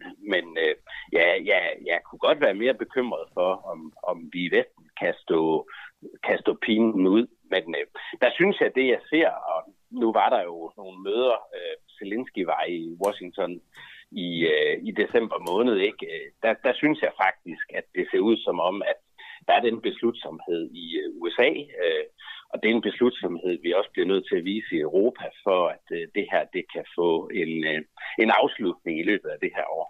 Jakob Korsbo, jeg lover dig, at vi ikke bliver øh, trætte eller udmattet af at tale om, øh, om det, der foregår i Ukraine og også i, også i Rusland. Det bliver blandt andet ikke takket være dig, og du gider være med til at gøre os det klogere på det hele. Øh, det er en fornøjelse. Jakob Korsbo, senior analytiker i Tænketank Europa og tidligere chefanalytiker i øh, Forsvarets efterretningstjeneste. God dag. God dag Per. Og så øh, har vi jo Mads Brygger med lige om lidt, der jo øh, er øh, administrerende direktør og øh, hvad hedder det, ansvarshavende chefredaktør på Frihedsbredet, der jo overtager den uafhængige. Øh, i den anledning så har jeg øh, spurgt jer derude, om I har nogle spørgsmål til, til Mads Brygger, og også til mig for en skyld. Det, det, dem vil jeg også gerne prøve at svare på, så godt jeg kan. Øh, han er med lige om 5 minutters tid, så øh, I kan stadig nå det og skrive jeres spørgsmål ind. I kan også gøre det undervejs i, i interviewet med ham, men I kan gøre det på sms'en. Øh, 1245 er nummeret. I skriver DUAH mellemrum, og så din besked DUAH mellemrum, og så din besked, og så sender du den afsted til 1245. Du kan også skrive dem i kommentarsporet på vores øh, stream på, på Facebook. Så prøver jeg at tage, øh, tage så mange som muligt med videre til, til Mads Brygger, så, øh, så I som medlemmer bliver så kloge som muligt på, på den her overtagelse øh, fusion, kunne man også kalde det. Nå, jeg napper lige et par nyheder. Jeg tænker faktisk lige, at jeg bliver lidt i øh, Ukraine. Øh, bagmand bag Banksy-fjernelse risikerer 12 år i fængsel. Den formodede bagmand bag fjernelsen af Banksy-vægmaleriet i Hostomel, nordvest for hovedstaden Kiev, risikerer op til 12 års fængsel, hvis vedkommende findes skyldig. Og Banksy, det er jo en provokatør, øh, kunstner, street artist, kunne man også kalde ham, der, øh, der er kendt for at lave øh, noget seværdigt øh, kunst i gadebilledet, uden at man ved, hvem han rigtig er. Nå, det her med de 12 års fængsel, der er altså risiko for for manden, der fjerner det, det er noget, som der blev oplyst af Ukraines indrigsministerium til Reuters. Det her vægmaleri, der blev fjernet, det forestillede en øh, kvinde i gasmaske og morgenkåbe, der holder en ildslukker. Det blev fjernet den 2. 2. december undskyld, øh, ved at øh, et stykke af facaden på den ødelagte husmur blev taget ned. Så kan jeg også samtidig sige, at politiet finder 25 torturlejre nær den befriede by Kharkiv. Ukrainsk politi har fundet 25 torturlejre i området omkring den østukrainske by Kharkiv øh, siden dens befrielse fra russerne i september, det skriver Kiev Independent. I øh, lejrene der har russiske soldater tilbageholdt og tortureret civile. Nogle af fangerne har fået elektrisk stød, mens andre har fået brækket deres fingre. Det oplyser den regionale politichef Volodymyr Chimchuk øh, i et opslag på øh, Facebook. Siden september der øh, har de fundet 920 lige af civile, heriblandt 25 børn. Og så kan jeg også lige øh, nå en, en lidt mere lokal øh, nyhed, nemlig noget omkring øh, affaldssorteringen. Det ved jeg ikke med jer derude, men det er noget, der ligger mig meget på sinde. Jeg ved godt, man skal gøre det, men jeg synes, det er helt vildt irriterende. Men øhm, fra 1. januar, der skulle landets kommuner være klar med en helt ny affaldssortering, men 35 kommuner har søgt om at forlænge den her frist. Madaffald i en spand, plast i en anden osv. osv. I alt så er der ni forskellige kategorier af skrald, som kommunerne skulle være klar til at håndtere fra 1. januar 2023. 35 kommuner de har dog søgt om øh, dispensation fra tidsfristen, fordi de ikke har nået at få øh, leveret skraldebiler og spande oplyser Miljøstyrelsen til TV2. Men antallet af skraldespanden kan faktisk være på vej ned inden længe. Det påpeger Henrik Wenzel, der er ekspert i affald og energisystemer samt professor ved Institut for Grøn Teknologi ved Syddansk Universitet. For en del af sorteringen klares bedre af robotter, end at travle danskere foran vasken i hjemmet. Hørt, og det er jeg meget glad for, at det det, der er tilfældet. Nå, han siger, strategien er i nogen grad forfejlet, siger han til øh, TV2. Professoren understreger, at den, øh, øh, detaljeret sortering af affald er sund fornuft. Spørgsmålet er, hvordan sortering udføres, også i forhold til samspil med energiområdet. Og det lyder da også som sådan en øh, kommune øh, classic, kan man sige, at så får man samtlige 98 kommuner til at få ja, ni forskellige skraldespande, og når man så endelig har fået dem indført, så kommer der så en teknologi, der gør, at det kunne den faktisk bare klare selv ude i affaldssortering. Det lyder som, som en rigtig oplagt og klassisk måde at indføre øh, lov og regler på øh, i øh, kommunerne. Nå, det var, øh, det var lige de, øh, de nyheder, jeg havde, øh, jeg havde med. Nej, hvad kan jeg lige nå en mere måske? Nu tror jeg faktisk, at Mads Brygger er, øh, er ankommet. Det er han også. Han er bare i studiet om to sekunder. Øh, så kan jeg bare lige nå at gentage, at I kan jo nå at sende jeres, øh, jeres øh, spørgsmål ind til os. Det kan I gøre, hvis I sender en uh, sms 1245 DUAH mellemrum, og uh, så din besked. Og så sender du uh, bare de spørgsmål ind til os. Der er flere af jer, der har skrevet spørgsmål, gode spørgsmål også ind, og jeg, øh, jeg noterer dem alle sammen ned, og så håber jeg på, at jeg kan nå så mange som, uh, som overhovedet muligt. I kan også bare øh, skrive dem i en, øh, en kommentar på vores Facebook-profil, så tager vi dem derfra. Nå, jeg kan godt lige nå en nyhed mere, inden, øh, inden Mads Brøger kommer ind i, øh, i studiet. To iranske teenager er blevet øh, dømt til døden ved hængning for at have deltaget i øh, protester mod det iranske regime. Det oplyser menneskerettighedsgruppen Iron Human Rights i HR med base i den norske hovedstad Oslo mandag, altså i går. To 23-årige mænd er allerede blevet henrettet som følge af protesterne, der blev udløst af, af den unge kvinde, øh, Masha Amini, stod i, i politiets varetægt, det her moral. Politi i aktager frygter dog, at mange flere risikerer at blive hængt, da Iran bruger dødsstraf som en intimiderende taktik i et forsøg på at dæmpe de her protester. Ifølge IHR så er den 18-årige demonstrant eh, Mahid Moradifat eh, øh, blevet dømt til døden for angiveligt at have sat ild til en politikontrolpost i den vestlige by. Dødsdommen blev eh, udstedt af en domstol i provinshovedstaden Sari. Her blev den 18-årige fundet skyldig i korruption og fjendskab mod Gud. Så kan jeg sige uh, godmorgen og velkommen til dig, Mads Brygger. Sidder jeg rigtigt? Ja, mikrofonen er faktisk lidt træls for. Kan du selv uh, Jamen, er det, meget ikke sådan, bedre? er det ikke sådan her? Jo, det er Okay. så fint. Det er så fint. Velkommen til, Mads. Tak for det. Uh, administrerende Og øh, tak for godt morgenprogram, min det var så lidt. Det var så lidt. Øh, det er godt, du kan lide det nu, hvor du også har overtaget det. Mm. Det er jo, det, der er også ting, der sikkert kan ændres, men, øh, men det er en god start, tænker jeg. Øh, administrerende direktør, ansvarshavende chefredaktør også for Frihedsbrevet, som øh, har overtaget den uafhængige, eller fusioneret med den uafhængige. Der er jo noget ordlyd der. Øhm, Mads Brygger, tak fordi du gad at komme ind til at Det sætte ord på, øh, på den overtagelse. Jeg har nogle spørgsmål øh, til dig. Der er en masse af vores medlemmer, der også har spørgsmål til dem. Tænker, det er okay for dig, vi, øh, vi også lige løber igennem. Først så kunne jeg godt tænke mig at høre, øh, er det slut med vores øh, uafhængighed på, på den uafhængige? Det er det ikke alt den stund, at vi har et værdigrundlag, og når jeg siger vi, mener frihedsbrevet, mm. så meget øh, ligner jeres. Øhm, vi siger principielt nej til øhm, mediestøtte. Ligesom jeg vil vi være et medie, som politikerne ikke kan slukke for. Øhm, vi siger også nej til annoncer. Og øhm, vores forretningsmodel er alene at være medlemsbaseret. Deraf vores øhm, slogan, øh, kun i lommen på dig. Mm. Øhm, mod, modsat også, så har jo så også øh, finansiering andre steder fra jo. Øhm, folk, folk, der har investeret i, øh, i mediet. Ændrer det noget på, på uafhængigheden? Gør det en forskel? Det gør det jo principielt. Ja. Fordi man kan sige, den der øh, betaler for orkestret bestemmer musikken, som man siger. Mm. Alle medlemmer af ejerkredsen har underskrevet vores uafhængighedserklæring. Øhm, hvad hedder det, som klart stipulerer, at vi er redaktionelt uafhængige, og ejerkredsen ikke må indblande deres øh, private, ideologiske, forretningsmæssige interesser i vores redaktionelle linje. Og det har jo indtil videre fungeret øh, aldeles glimrende. Mm. Øhm, men altså, det, den uafhængighedserklæring er jo først øh, det papir værd, den er skrevet på i det øjeblik, den virkelig bliver trykstestet. Ja. Det har vi ikke oplevet nu. Der, der har været nogle, nogle momenter, hvor den har, har været på, på prøve, kan man sige. Ja. Og det er faldet heldigt ud. Okay, og hvad har det været for nogle momenter? Jamen, det var i øh, lige i starten, da Fredsbred gik i luften, der øh, var en øh, journalist hos os, eller en journalist, vi stod og skulle til at ansætte, mm. øh, Andreas Munk, der kom fra Ekstrabladet. Han var indblandet i en øh, sag med Denis Viet Jacobsen, som var vred over Ekstrabladet, havde kaldt ham for en skattelyskokke. Der er jo en talemåde om, at man ikke skal gå i retten med folk, der køber blik i tyndevis. Men det, det gjorde han ikke desto mindre. Øhm, og der skulle Andreas Munk og en anden journalist, som Poul Madsen så øh, mødes med den Ivet Jacobsen i retten. På det tidspunkt, der hyrer vi Andreas Munk. Og øhm, der tænker jeg, at som direktør er, er nødt til at fortælle min bestyrelsesformand, at vi gør det. Mm. Så han ved det. Og så siger han til mig, Bjørn Høj Jensen hedder han, øh, at han vil sætte pris på, at jeg orienterede den Ivet Jacobsen om det, så han hørte det fra os.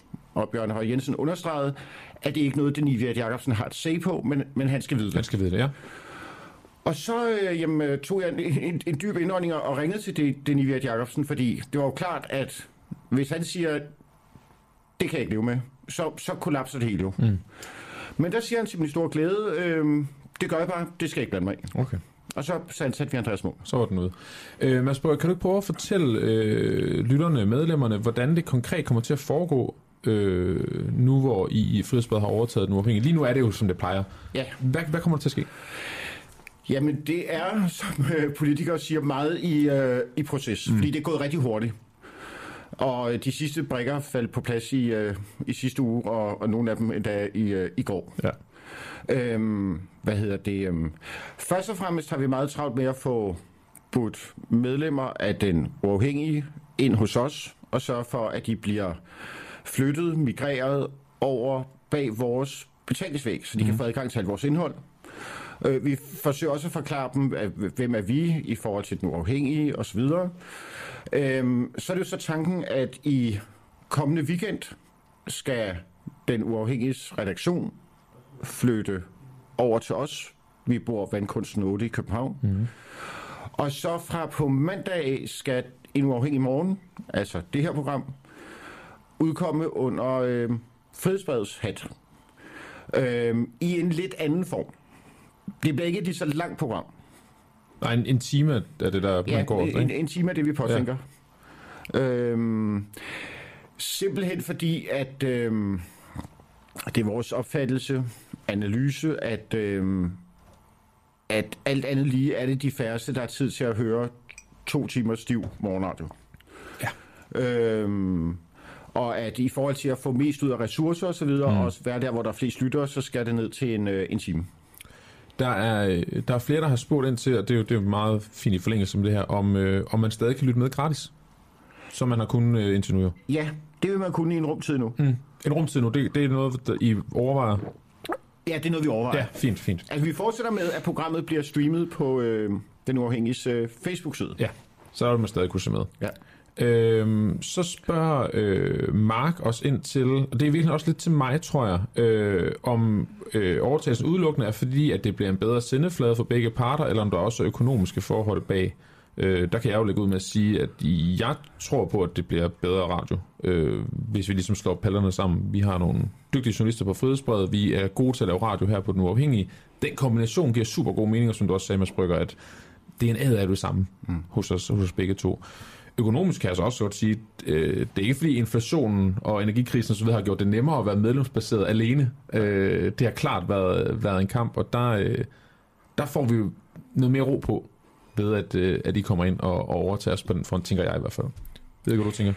Jo, øhm, altså, alt andet lige, så vil samlet gøre stærkere. Mm. Øhm, og øhm, der er jo også noget uhensigtsmæssigt i, at vi begge forsøger at forklare den samme målgruppe, ja. at vi er øh, øh, uafhængige, nej til mediestøtte, øh, og at vi er afhængige af, at folk vil betale for et abonnement. Mm. Øhm, nu, øh, hvad hedder det, nu, nu, nu står det budskab meget klarere, mere enkelt. Det er så også vigtigt, at folk forstår, også altså gratisterne, at hvis man kan se pointen og nødvendigheden i at have en radio øh, og et, øh, et medie, som er kompromilløst uafhængig. Mm. Øh, så meget, at det i virkeligheden fra start af vælger at skyde sig selv i, øh, i fødderne ved at frasige sig mediestøtte. Så er det også vigtigt, at man bakker op om det med, øh, hvad hedder det, øh, med at betale et abonnement. Så du øh, os som, som konkurrenter til Frihedsbredet? Det har jeg aldrig gjort. Øh, jeg har set jer som, øh, hvad hedder det, åndsfælder, øh, mm. som, øh, hvad hedder det, ligesindede. I, I har jo altså lavet radio, I er en radiokanal. Mm. Øhm, vi er jo øhm, først og fremmest en, øh, en elektronisk avis. Vi har også en lydside, skal dog siges. Vi udgiver øh, podcasts, dokumentarserier osv. Øhm, der er klart lighedspunkter, øhm, men øh, jeg, jeg har først og fremmest set et, et åndsfællesskab. Mm.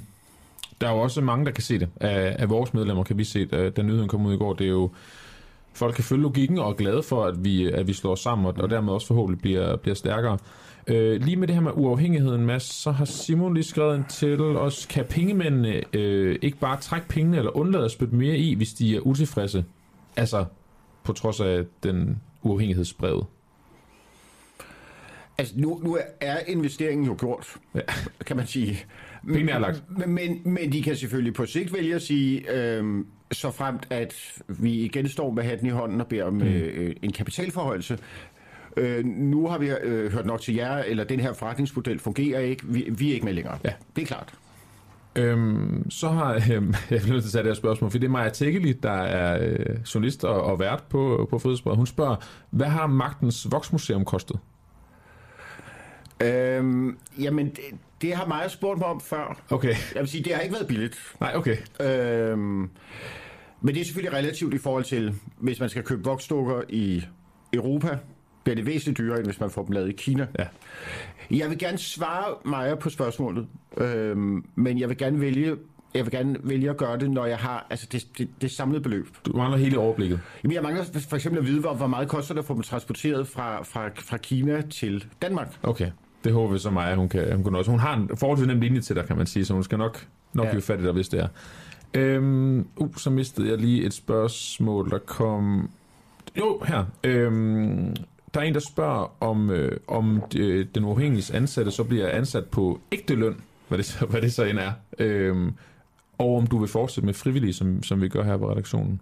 Det er måske også lidt præmaturt spørgsmål. Nå, men det er et øh, fornuftigt og rimeligt spørgsmål, som jeg kommer til at bruge den her uge på at, øh, at mm. udforske. Øh, hen over den her uge fører vi samtaler med både den uafhængige øh, fastansatte og med volontører, med frivillige, mm. øh, for at finde ud af, hvad, hvad laver de hos den uafhængige?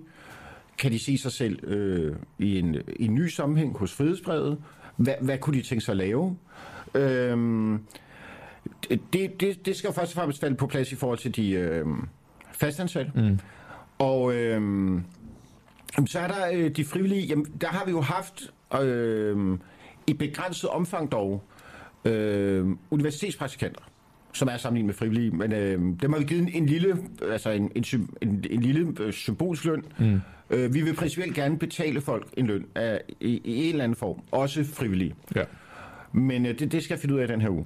Og det er jo det, du faktisk startede med at sige, Mads Brygger, sige, Mads Brygger, det er, at der er jo stadig detaljer, der lige mangler Ja. det sidste. Øh, og når de kommer, så skal I selvfølgelig nok få, få at vide.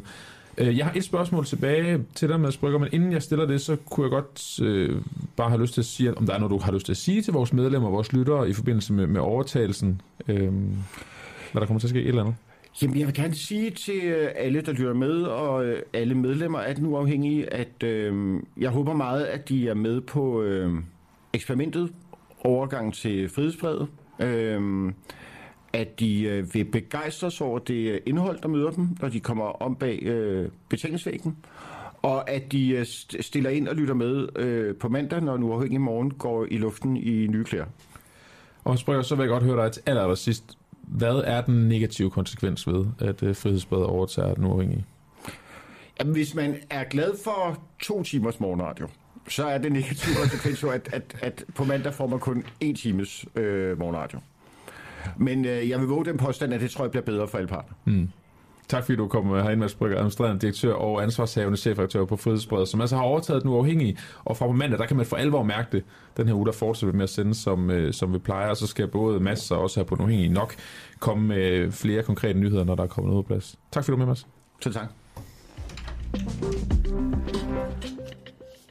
Så, øh, og der var mange gode spørgsmål. Jeg nåede ikke dem alle sammen. Øh, jeg nåede så mange, som jeg overhovedet kunne, men øhm, det er godt, I stiller dem. Der er sikkert øh, mulighed for at få svar på flere af dem, når vi også ved lidt mere konkret om, hvordan det kommer til at foregå, og, øh, og så videre.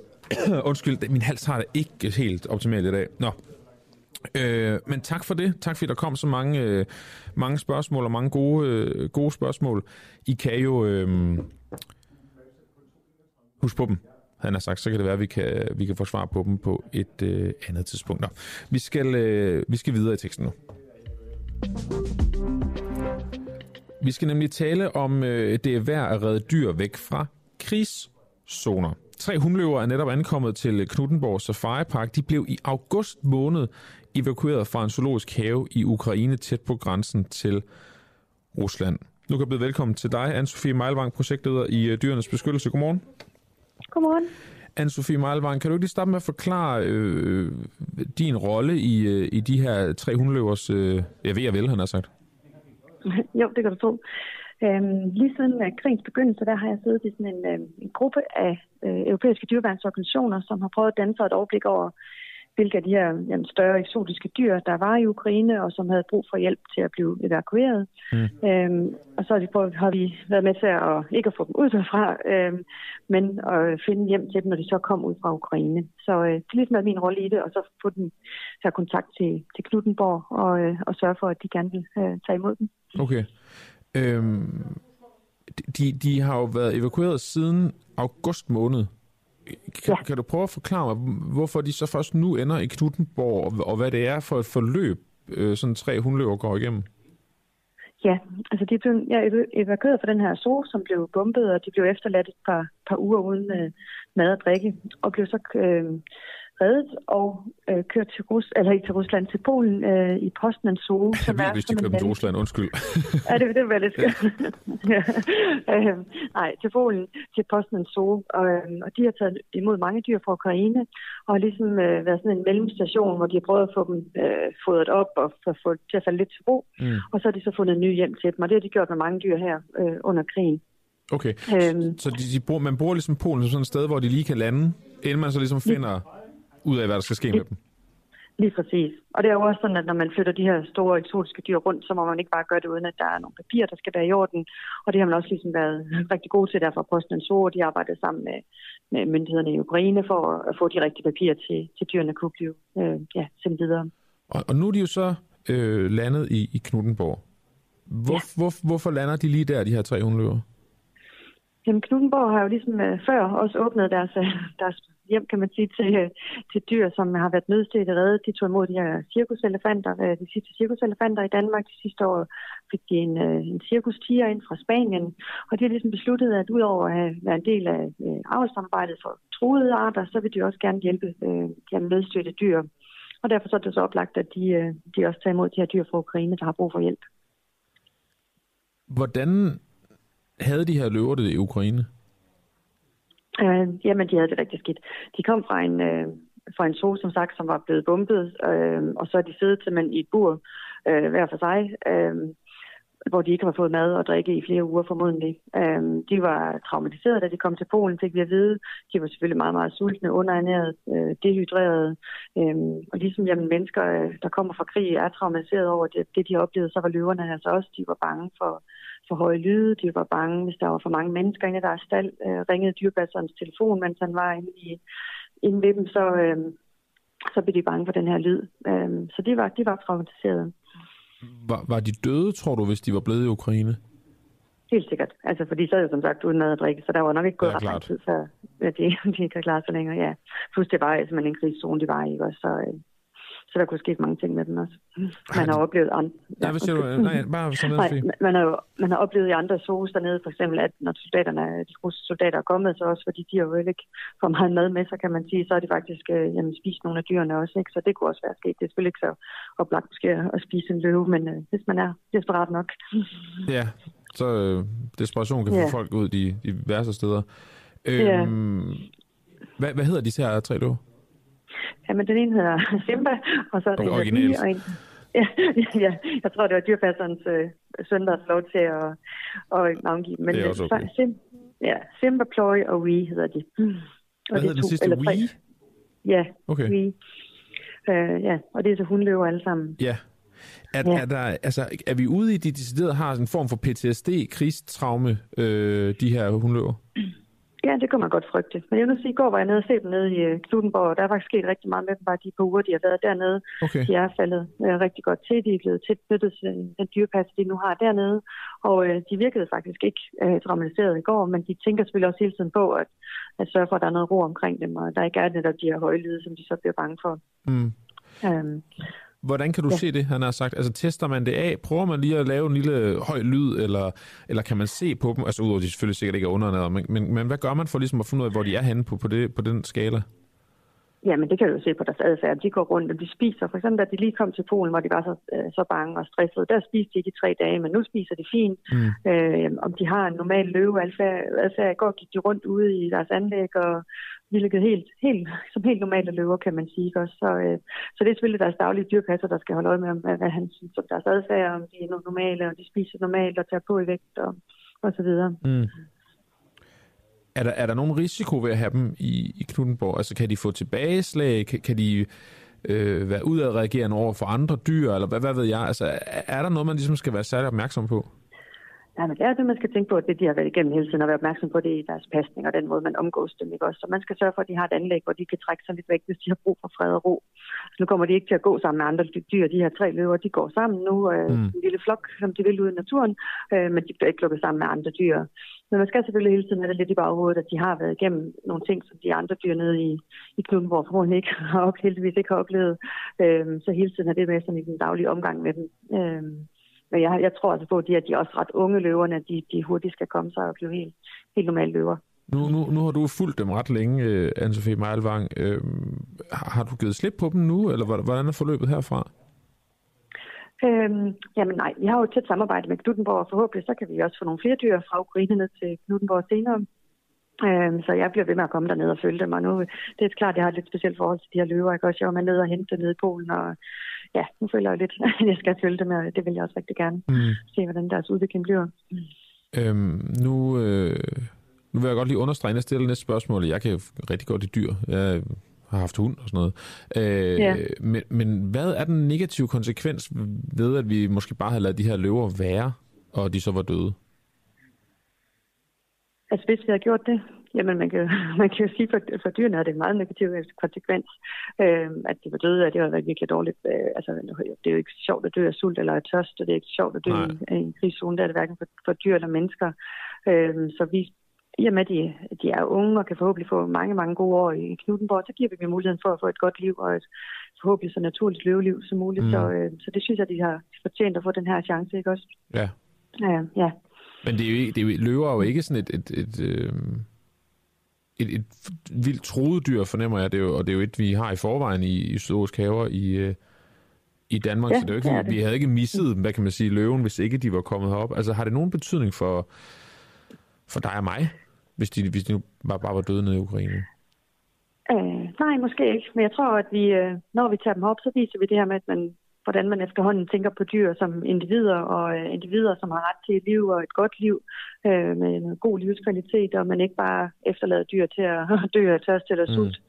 Og det er klart, øh, det er jo det, dyrenes beskyttelse de står for. De skal hjælpe nødstede dyr, så det er det, de har gjort i det her. Vi har gået ned og hjulpet nogle dyr, ikke, også, som havde, havde brug for vores hjælp. Og vi kigger ikke på, om det er nogle troede dyr, eller øh, specielle dyr, hvor store de er, eller, eller hvad. Altså, det er dyr, der har brug for hjælp. Det, det er dem, vi er her for.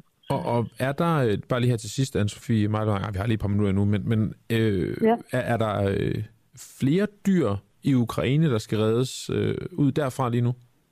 Ja, der er rigtig mange desværre. Der har været øh, rigtig mange de eksotiske dyr i private øh, hjem faktisk, øh, ah. så man vurderer faktisk, der er flere hundrede store kattedyr, som tiger og løver stadigvæk, øh, som har brug for at komme ud fra Ukraine. Der er rigtig, rigtig mange bjørne, som man også har holdt jamen, både privat og i zoologisk have og sådan mere menageriagtige steder. Så, øh, så ja, der, der er et kæmpe behov for, for hjælp til de her dyr på nye hjem. Okay. Og hvad med så, den her mellemstation i, i, i Polen, i, i Poznan Zoo? Er, er, der, ja. er, der, er der også dyr der lige nu, der ligesom er, er i transit, eller hvad skal man sige? Ja, det er der, og der sidder nogen øh, lige nu. Øhm, og det, men desværre det er det at få fat på de her papirer, så man kan få lov at sende dem videre, øh, fordi også nogle af dyrene er taget ud øh, øh, fra krigen. Ikke? Også, så, mm. så der er en masse øh, papirarbejde, som, øh, som venter der. Men, øh, og der er allerede kommet nye dyr til. I og med, at vi tog de her løver op til Danmark, så bliver der plads til nogle nye løver i, i Posten Zoo i Polen, som kom fra Ukraine her imellem øh, jul og nytår. Så, øh, så der sker en masse hele tiden, øh, og der er rigtig meget arbejde stadigvæk foran os.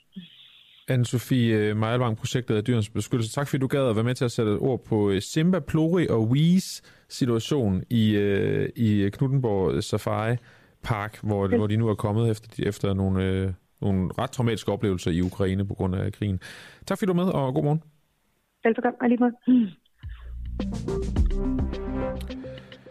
Således oplyst om øh, om de her øh, dyr, der er blevet øh, evakueret fra, fra Ukraine. Der er ikke nogen, der ikke rigtig lider, når der er, er krig. Det er den her historie et, øh, et tydeligt tegn på. Nå, jeg kan lige nå en... Øh, i nyhed, inden vi bevæger os videre til sidste take på vores tema i dag, som jo har været det her med at finde ud af, om yderfløjspartierne i virkeligheden er sat helt ud af spillet på grund af den nye midterregering i, øh, i Folketinget. Nå, men inden da, så kan jeg lige nå at fortælle, at øh, et ambitiøst mål for politistyrken er under pres Siden øh, 2019 der har der været en politisk ambition øh, for at sikre øh, tryghed og et politi i tæt kontakt med alle os alle sammen, alle danskere. Det skulle blandt andet øh, sikres ved at udvide politistyrken, så der i øh, 2023, altså i løbet af det her år, vil være 11.700 betjente. Men det ser ikke ud til at lykkes, og planen er øh, løbet ind i store udfordringer. Højst øh, usædvanligt er der nemlig svært at øh, fylde holdene på politiskolen, og samtidig så ses der en stigning i antallet af betjente, der forlader erhvervet, det skriver Jyllandsposten. Øhm, og det fører til øh, interne frustrationer i øh, politiet, hvor formand for politiforbundet Heino Kegel, han blandt andet øh, kalder situationen for en ond spiral. Han tror heller ikke, at man når det her mål om, øh, om de 11.700 betjente i øh, 2023 siger han til øh, Jyllandsposten. Han fortæller videre, at det vil være øh, betydelige, øh, det vil betyde prioriteringer af arbejdskraften, altså ude i politikredsene, og det vil få nogle konsekvenser, som danskerne kan mærke. I skriftligt svar siger den øh, nyudnævnte justitsminister Peter Hummelgaard til Jyllandsposten, at det er bekymrende, at politiet i øjeblikket har store rekrutteringsproblemer, og han vil drøfte situationen med både Rigspolitiet og Politiforbundet i de kommende år, udtaler han.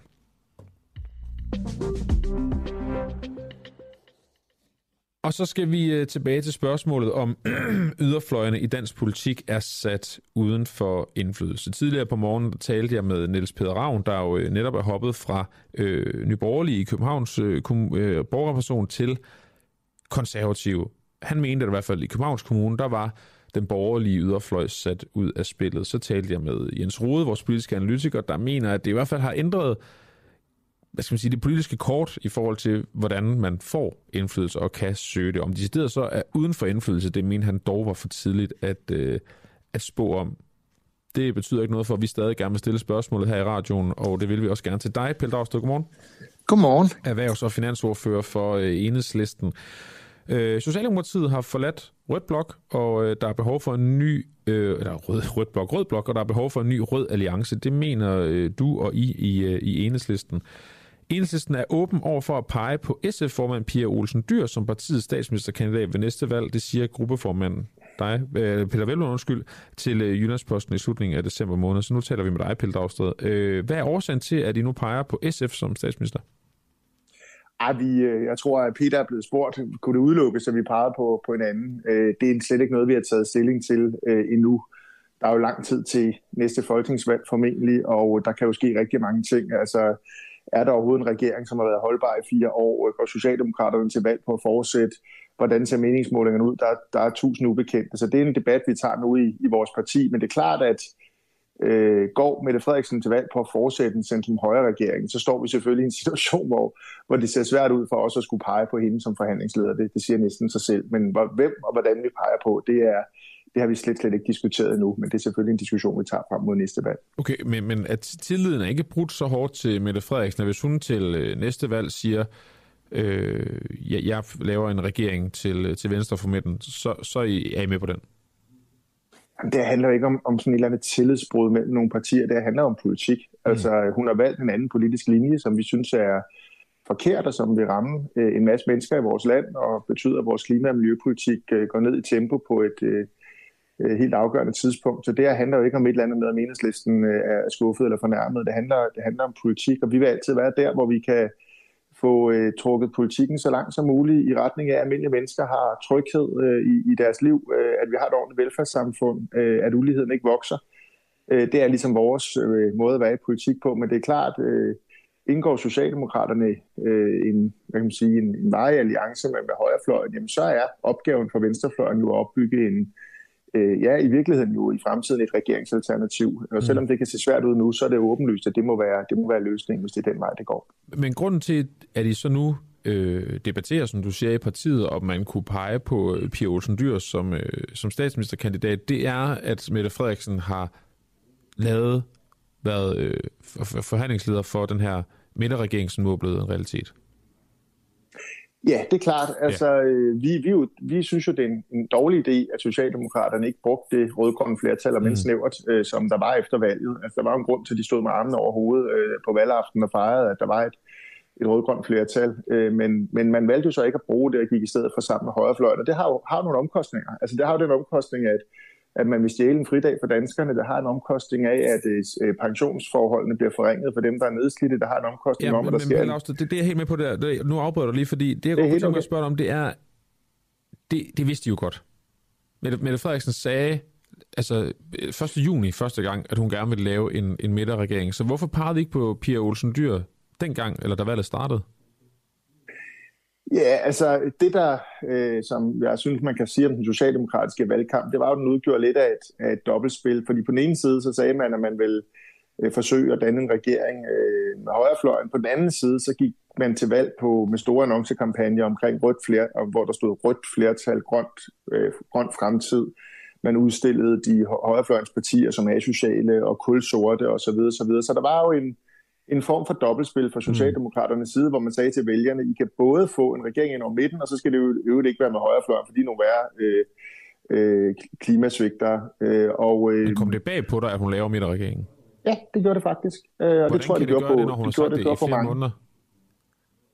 Jamen, øh, af den årsag, at de samtidig gik til valg på at føre en politik, som står i total modsætning til det, de gør nu. Altså, så man kan jo sige, at de skulle begå et af to løftebrud, uanset hvad. Og nu har de så valgt det løftebrud, der svigter, om så, så må sige, det, det politiske. Mm.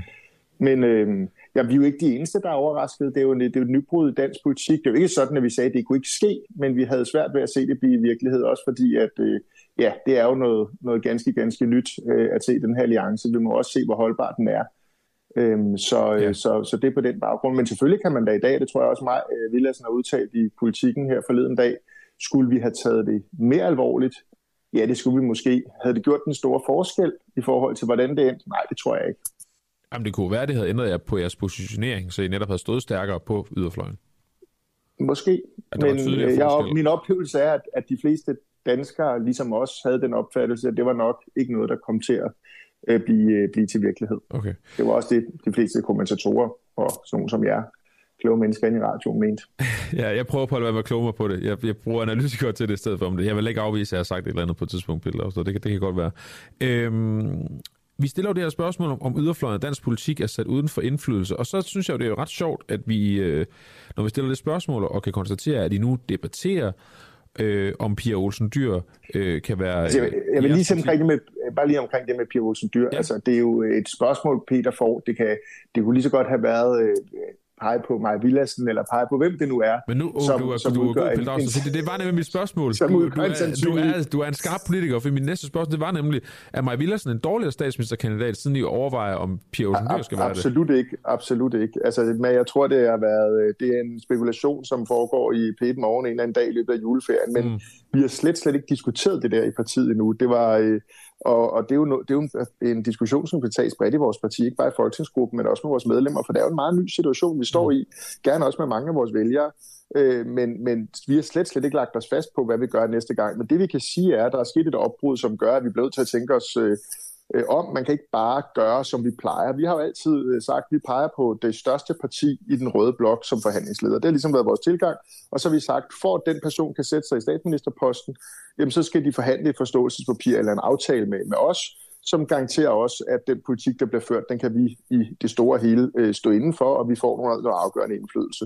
Det har været enhedslistens øh, tilgang hidtil, øh, og den synes jeg i øvrigt har været klog, fordi at vi fik faktisk sikret os rigtig meget indflydelse i den sidste periode. Mm. Øh, men det er klart, at i en situation, hvor Socialdemokraterne siger, at øh, vi går til valg på at fortsætte en regering sammen med højrefløjen med, med den her ret højreorienterede økonomiske politik, jamen så skal vi selvfølgelig finde ud af, hvordan stiller vi os i den situation.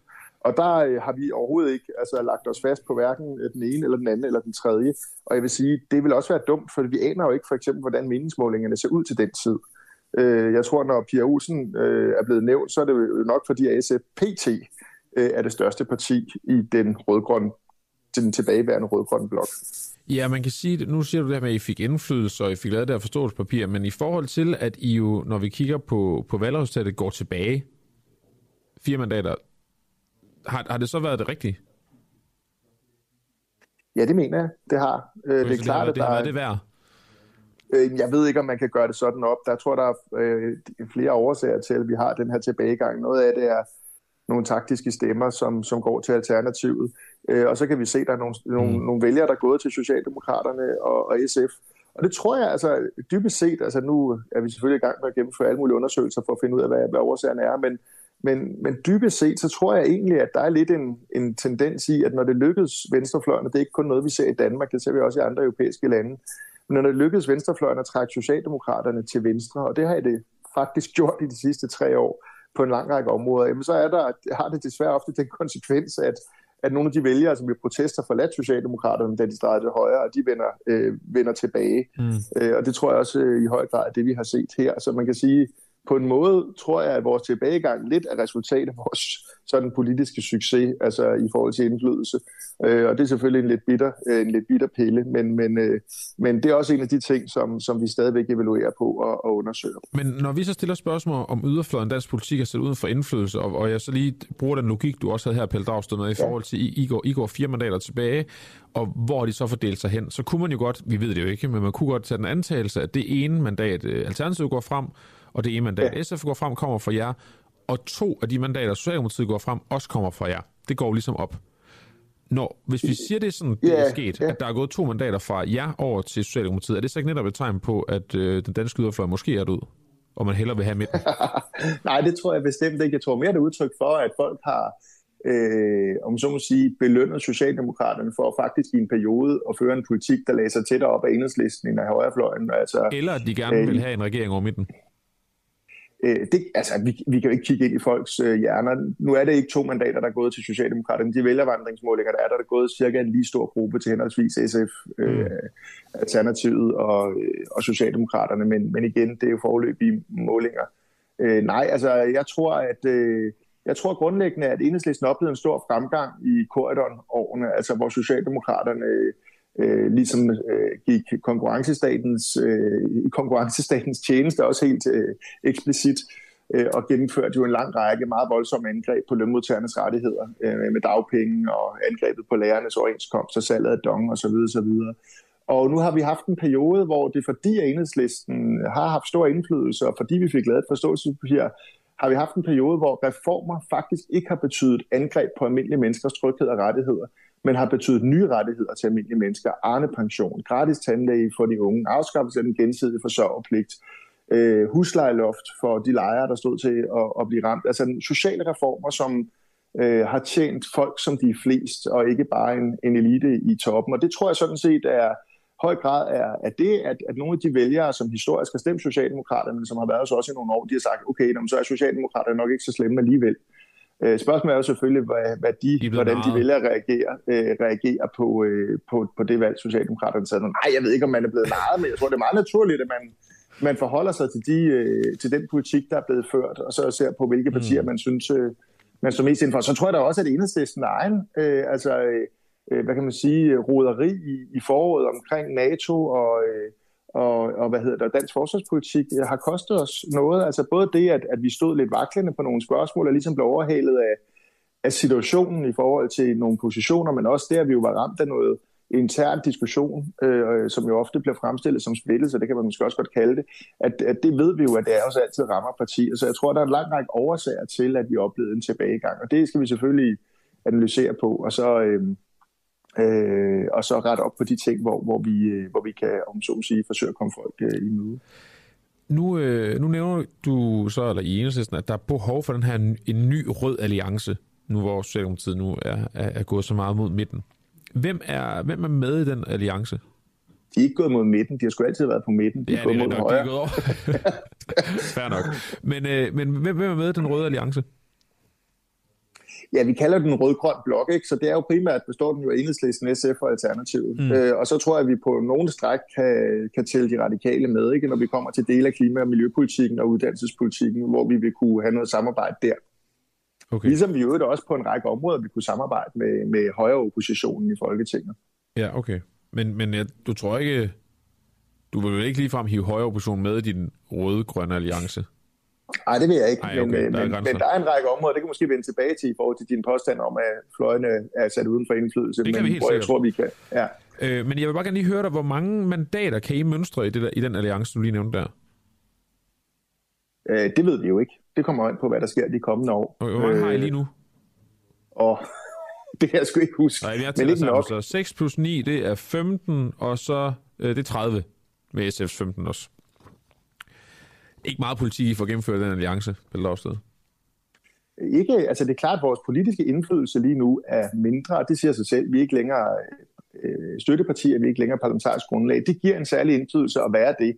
Man er de første, der bliver inviteret til finansårsforhandlinger, man kommer til bordet med sine krav, man får gennemført en øh, del af ens øh, politiske ønsker. Og det er klart, at den situation står vi ikke i længere. Det var i og for sig ligegyldigt, at vi havde 30 eller 60 eller for den sags skyld 80 øh, mandater, fordi øh, Socialdemokraterne har valgt et andet flertal sammen med Venstre og Moderaterne. Øh, og det betyder, at de ikke behøver vores mandater for at for eksempel kunne gennemføre en finanslov. Så det er helt åbenlyst, at i forhold til sådan direkte parlamentarisk indflydelse, der, øh, der, der har vi, kommer vi til at have langt mindre at skulle have sagt i de næste tre år. Det er sådan, demokratiet fungerer, mm. eller Folketinget fungerer. Så er det klart, at øh, det betyder ikke, at vi er sat helt uden for direkte parlamentarisk indflydelse. Altså, vi er jo med i en lang række øh, forlig, ikke mindst på det grønne område, hvor vi jo øh, som forligspartier har en vetoret. Øh, og der vil vi selvfølgelig øh, gøre os gældende. Og, og udover det, så er der jo heldigvis også nogle parlamentariske redskaber, og det, det var i den forbindelse, jeg lige nævnte højre oppositionen, som, som giver os mulighed for faktisk øve en direkte øh, indflydelse. Det er jo blandt andet øh, en sag, selv har beskæftiget jer meget med, altså Samsam, øh, hvor det var lykkedes øh, Peter Velblund nu at, at samle øh, de her er det 60 mandater, der skal til, ikke, mm. for at øh, få nedsat en forundersøgelse, altså på den måde lægge et, et, et pres på, for at vi får undersøgt den sag til, til bunds. På samme måde afsøger vi jo blandt andet sammen med Nye Borgerlige muligheden for, hvis regeringen går videre med den her vanvittige plan om at afskaffe en fridag, øh, at, at, at se, om vi kan samle 60 mandater om at sende det til en folkeafstemning. Så vi har heldigvis nogle mindretalsrettigheder øh, i Folketinget, som gør, giver os mulighed for at øve en politisk indflydelse. Øhm, og når det så er sagt, så ja. tror jeg, man skal huske, at, at indflydelse er selvfølgelig det her med at stemme ting igennem i Folketinget. Men, men politisk indflydelse er også andre ting. Det er også at sætte dagsordner i offentligheden. Det er at lægge regeringen under pres. Det er at øh, hvad hedder det, afsløre øh, hyggeleri øh, og afsløre ministre, som, øh, med, med fingrene i kassen, eller hvad man nu siger, ja, altså ja. altså begå. Øh, altså, så, så politisk indflydelse, det er jo ikke sådan, at fordi man er opposition, så er man ikke med til at definere rammerne for den politiske diskussion i et samfund. Det er man i høj grad, og det er en meget vigtig opgave, og vi er jo opposition de næste år, så det bliver en anden form for, for politisk indflydelse, vi kan, vi kan, vi kan yde. Hvilke af jeres øh, mærkesager kan jeres vælger gøre sig håb om, at I får gennemført? Sådan helt realistisk. I den her, i, i den her periode her? Ja. Jamen, jeg øh, håber da, at vi øh, for eksempel får gennemført en undersøgelse af Samsung-sagen, at vi kan lægge et, et så massivt mm. pres der. Øh, jeg håber, at vi øh, kan øh, få fastholdt det huslejeloft, som vi gennemførte her i foråret. Og så er der jo en masse af de resultater, vi har skabt, som består at det skal man også huske, at vi har flyttet Danmark både i en grøn og rød retning. Altså det er, at Jamen, det er unge mennesker på, nu her fra 1. januar... Fra, fra valgkampen. Ny, altså... ny valg. Men det er klart, det bliver meget begrænset. Altså ja. sådan er det jo, når man er i opposition. Det er fuldstændig ligesom, at det var for højrefløjen i sidste periode. Øh, sådan er det. Når der bliver dannet en regering, særligt en flertalsregering, som ikke har brug for vores mandater, jamen så er det selvfølgelig mere begrænset, hvad vi får gennemført af mærkesager i den her periode. Så, så opgaven opposition er jo at sørge for, at den periode bliver så kort som muligt, så man igen kommer tilbage øh, i centrum for indflydelse. Det er, ja. ligesom, det er jo sådan, det er sådan, demokratiet fungerer. Heldigvis vil jeg sige, altså at vælgerne kan jo til at fravælge, øh, hvem de ønsker skal have indflydelse, og det skifter som regel mellem valgene. Så når vi stiller spørgsmål af yderfløjen dansk politik sat uden for indflydelse, så er svaret ja. Ja, det synes jeg, det synes jeg ikke. Men det, det er klart, at hvor, Nej, jeg synes egentlig, hvis du lyttede på det, det jeg sagde jeg inden det sidste lytte, spørgsmål. Nej, jamen, det er helt okay. Men, men altså, nej, altså, jeg mener, at vi, altså et, vi kan jo indflydelse gennem de her forskellige parlamentariske redskaber, vi har. Mm. Samsam sag øh, hele dag. Vi er med en række forlig, hvor vi har vetoretter, hvor vi selvfølgelig vil gøre vores indflydelse gældende. Det er også muligt, at vi bliver inviteret til en række forhandlinger. Det er klart, der står vi svagt, fordi regeringen har sit eget flertal, og det betyder bare, at styrkeforholdene er, er nogle andre, end hvis de havde brug for vores mandater. Det, det, det er næsten åbenlyst. Mm. Og så er indflydelse også at, øh, at lægge pres på regeringen udefra. Hvis, hvis vi kan bygge en stærk bevægelse op mod en afskaffelse af den her helligdag, så det ender med at blive skrinlagt. Hvis vi kan bygge en bevægelse op mod de her forringelser af seniorpensionen, øh, så det ender med at blive skrinlagt, jamen så er det jo også indflydelse. Så det er bare for at sige, ja, vi er i en helt anden øh, situation, end vi var i sidste periode, hvor vi havde en afgørende direkte parlamentarisk indflydelse. Den har vi mindre af, øh, helt åbenlyst, fordi der er dannet en flertalsregering med andre partier, men det betyder ikke, at vi er sat uden for indflydelse. Pelle Dragsted, erhvervs- og finansordfører i Enhedslisten og helt nyvalgt folketingsmedlem. Tak fordi du var med til at øh, diskutere det her spørgsmål og gøre os klogere på, hvor du mener Enhedslisten øh, står. Du har selvfølgelig, han har sagt, øh, forhåbninger for, at øh, der nok skal komme både indflydelse og, og politik ud fra jer, på trods af den her flertalsregering hen over midten. Øh, god dag til tak, og tillykke med, med, hvad hedder det, fusionen. Jamen, tak skal du have. Tak skal du have. Det skal nok blive godt. Vi nu har fattet dig ja, på den anden side af den, ikke? Ja, men det er super. Det, det er, godt. godt. Held og lykke med det. Det er godt. Hej, hej.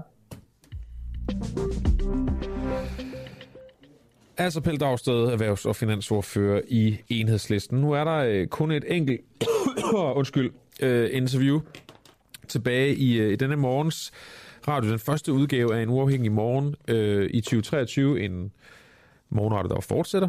Også øh, på trods af Frihedsbredets øh, overtagelse af den uafhængige, dog i en lidt anden form. Men, men det, det består dog øh, stadigvæk. Det må være det allervigtigste at sige. og for min hals og øh, mit øh, ved og vel, han har sagt, der var det måske meget godt, at det øh, næste interview er det sidste. Det betyder dog ikke, at jeg ikke glæder mig til det og er, er klar til det. Det er nemlig med Claus Mathisen. Øh, ham sammen med Jacob Korsbro, som jeg talte med tidligere, er jo vores, øh, vores kilder, når det kommer til at blive klogere på at forstå både den russiske og den ukrainske side af, af krigen dernede lige nu. Det, øh, vi skal tale med Claus Mathisen om de sidste 8-9 minutter her af udsendelsen, det er om, hvorvidt øh, Putin har skiftet strategi med de mange droneangreb målrettet mod Kiev. Godmorgen, Claus Mathisen. Ja, godmorgen. Lektor i russisk ved Forsvarsakademiet. Kiev blev øh, under nytåret ramt af nye af de her såkaldte kamikaze droner. Claus Mathisen, det er noget, vi to har, har talt om før. Det, det virker som en, en, en ret klar strategi øh, med at bruge den her form for droner. Det jeg så godt kunne tænke mig at starte med at spørge dig om, det er, er den blevet mere offensiv, offensiv den her strategi, vi ser for Putin? Mm, ja, man kan jo i hvert fald konstatere, at øh, angrebene har fundet sted sådan lidt i bølger, hvor der nogle dage har været nogle meget intensive angreb, for eksempel her i forbindelse med nytårsaften. Og de der intensiverede angreb, de, de hænger ofte sammen med, at ukrainerne har gjort noget, som så gør, at russerne synes, at nu skal de lige give den en ekstra omgang på gensvaret. Men ellers er det en strategi, vi har set i spil lige siden starten af oktober faktisk. Ja, det er, det er nogle måneder nu, at vi har hørt om de her, øh, de her angreb fra, fra russisk side. Øh, hvis vi lige kort vender øh, nytårsaften nat, og, og det angreb, der var der. Ukraines luftvåben, de siger, at landet øh, i alt er har skudt, altså Rusland, øh, nej, Ukraine undskyld, har skudt 45 russiske angrebsdroner ned i løbet af nytårsaften og nytårsnat. Det skriver Reuters. Øh, det tal målt op mod tidligere angreb, hvor er vi så henne på, på offensiv, offensivhedsskalaen? Ja, men jeg synes, der har været rapporter om uh, sådan nogle intensiverede angreb, hvor vi har været oppe i 50-100 missiler, raketter og droner. så hvad størrelse angår, så kan det nok sammenlignes med andre. Men det var lidt som om, at de i den her omgang var meget koncentreret om Kiev. Mm. Uh, det er ikke nyt, men det er dog ikke hver gang, vi ser det. Også fordi andre byer, andre store byer i Ukraine har været mål for angrebene. Var der andet, der skilte sig ud, hvis vi lige holder os til det her nytårsangreb? Nej, det synes jeg egentlig Nej. ikke. Det mindede jo om, som det er gjort igen og igen, og det, man kan sige, øh, en del af de her droner og øh, missiler, de går efter kritisk infrastruktur. Altså, vi har jo talt meget om elværk og, varme og vandforsyning og sådan noget, som russerne forsøger at sætte ud af spillet. Men der er også sådan nogen, der til synligheden mere eller mindre rent bare går efter at ramme øh, boligblokke og boligkvarterer, altså hvor der ikke rigtig kan gives noget som helst militært argument for, at øh, Øh, de skal ramme lige der. Øh, er det en vinderstrategi, den du ser her? Uh, det vil jeg umiddelbart ikke vurdere, det er. Uh, ideen med det, udover selvfølgelig at sætte de her øh, ting, som vi nævnte før, ud af, af, af spillet, og dermed selvfølgelig også i en eller anden grad ramme ukrainsk økonomi og industri, uh, den er jo først og fremmest at få den ukrainske civilbefolkning til at blive så træt af krigen, så de begynder at tvinge den politiske ledelse til uh, at uh, skabe fred, måske med indrømmelser til Rusland af territorial eller anden art. Og det synes jeg sektoren noget som helst, der indikerer, at den ukrainske befolkning er klar til, måske nærmest tværtimod. Øh, det, det lykkes for, det er at aflede opmærksomheden lidt fra, at det går ikke så godt for Rusland ved selve fronten, altså der, hvor man kæmper mere øh, konventionelt på landjorden. Øh, det kan man sige, på den måde lykkes det selvfølgelig lidt, men målet med den, det synes jeg ikke, at med den strategi, synes jeg ikke, at russerne har inden for øjenvide. Nej. Øhm, det britiske forsvarsministerium havde allerede øh, tidligt på nytårsaftens dag varslet, at russerne pynsede på at ødelægge Ukraines øh, nytår for at, øh, for at knække befolkningens moral. Øh, hvad, hvad siger det om angrebet, at, øh, at, at Storbritannien ved det, at det kommer til at ske? Jamen, det er jo sådan noget, man kan se på basis af forskellige, hvad skal vi kalde det, forberedelser, der bliver gjort til det rundt omkring på de, øh, både på de russiske øh, fart, flådefartøjer, som affyrer de her missiler af forskellige art, og på de russiske flystationer. Der kan man måske se, at forberedelserne allerede er i gang. Mm. Men øh, øh, der, mulighederne for at advare er jo på en eller anden måde lidt begrænset, men jeg går stærkt ud fra, at det ukrainske luftforsvar er i allerhøjeste beredskab, og de skyder jo altså også pænt mange af dem enten ned, øh, eller skyder dem ud af kurs, så de ikke rammer der, hvor de skal. Nu, øh, nu kan jeg forstå, at der faktisk kort før droneangrebet også var et omfattende missilangreb ned over, ned over Kiev. Er det, er det øh, noget nyt? At, at de bruger begge dele, eller de gør det på den måde, den rækkefølge?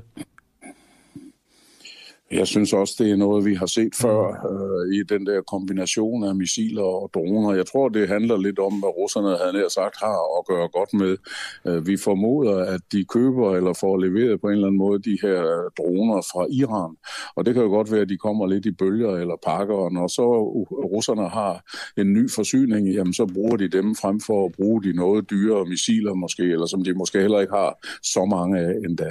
Jeg Claus Mathisen, jeg talte tidligere på morgen med, med Jakob Korsbo, hvor øh, man kan sige, vi, vi også kiggede lidt fremad. Det håber jeg, at, øh, at det er okay også lige gør med dig, fordi nu, du, du var selv inde på det tidligere. Den her type angreb har vi set siden øh, oktober, og så har Ukraine lavet nogle øh, modangreb, eller så har diskuteret, hvem, hvem startede det hele, osv. osv. Ikke? Hvor længe tror du, det kan blive ved, det her, vi har set nu, nu, nu siden oktober? Ja, det er jo sådan et af de gode spørgsmål. Altså, man ser jo spekulationer og samtidig også udmeldinger i retning af, at nu er Rusland ved at løbe tør for øh, missiler og raketter og kan ikke blive ved med det her. Det vil jeg vurdere, at det er lidt for tidligt at spå for, for meget om, ud fra den ganske enkle betragtning, at øh, vi ikke ved præcis, hvor meget russerne havde fra starten af at gøre godt med. Jeg har set beregninger, det er så godt nok midt november, vi taler om, men hvor ukrainerne selv præsenterede tal, der viste, at russerne havde brugt omkring halvdelen, men havde stadigvæk omkring halvdelen tilbage, og at for hver gang de affyrede fem missiler, så nåede de kun at producere et nyt. Og de tal siger jo i sig selv, at medmindre der sker ændringer, så løber russerne tør på et eller andet tidspunkt. Men jeg tror ikke, at det er nært forestående. Nej, okay. Øhm, tror du, øh, Putin får øh, held med at ro på Ukraine i det nye år? Nej, det tror jeg ikke. Øh, hvordan udviklingen bliver, det er svært at sige. Ja. Øh, lige nu står det jo ret stille på selve krigsskuepladsen, blandt andet på grund af vejret, der er overraskende varmt, og derfor er der masser af mudder, og man kan ikke rigtig bevæge sig med pansrede køretøjer, eller knap nok med hjulkøretøjer for den sags skyld. Men når fronten kommer i gang igen her til foråret, så kan det være, at der sker nogle vigtige ting, som gør, at en af parterne måske bliver villig til at forhandle. Det må vise sig. Tror du, øh, tror du omvendt så, at Ukraine får endnu mere af deres territorium tilbage? Altså hvis vi ser på, hvordan det er gået helt til på selve krigsskuepladsen, altså ved fronten, mm. så er det jo Ukraine, der i, i, lang, i en meget lang periode har erobret territorier tilbage. Og den tendens tror jeg, som sagtens skal fortsætte. Men om de kan smide russerne helt ud af Ukraine, det er virkelig svært at sige. For russerne tilfører jo også flere og flere enheder og har mobiliseret personel og vi ved ikke, om de er dygtige nok, de soldater, der bliver sat ind, og vi ved heller slet ikke, om der er materiel nok til dem. Så der er mange uklare punkter, hvis man skal sige noget meget konkret om, ja, ja, ja. hvordan det kommer til at forløbe. Hvordan går det med mobilisering i, i Rusland? Har der været noget nyt her hen over nytåret? Altså, der har været nogle forlydende om, at der er protester, og der er folk, der forsøger at komme ud. Der har også været forlydende om, at grænserne skulle blive lukket. Det har ukrainerne sagt åbenlyst til russerne, at Rusland, så øvrigt også Belarus grænser, vil blive lukket her i starten af det nye år. Og det er selvfølgelig ud fra en forventning om, at øh, der kommer en ny mobiliseringsbølge, men også fra Ukrains side et forsøg på at skabe lidt panik, sådan så unge mænd måske forsøger at komme ud øh, for at slippe for at blive indkaldt til militæret. For det er klart, det er, ikke, det er slet ikke alle vegne populært at blive indkaldt, når man hører om, hvordan træningen og uddannelsen foregår, hvordan de bliver udrustet, eller rettere, hvad de mangler, og hvad det er, de kommer ned til, hvor man siger, at de ofte bliver kastet forrest ind i kampene, og dermed bliver det, man kalder kanonføde.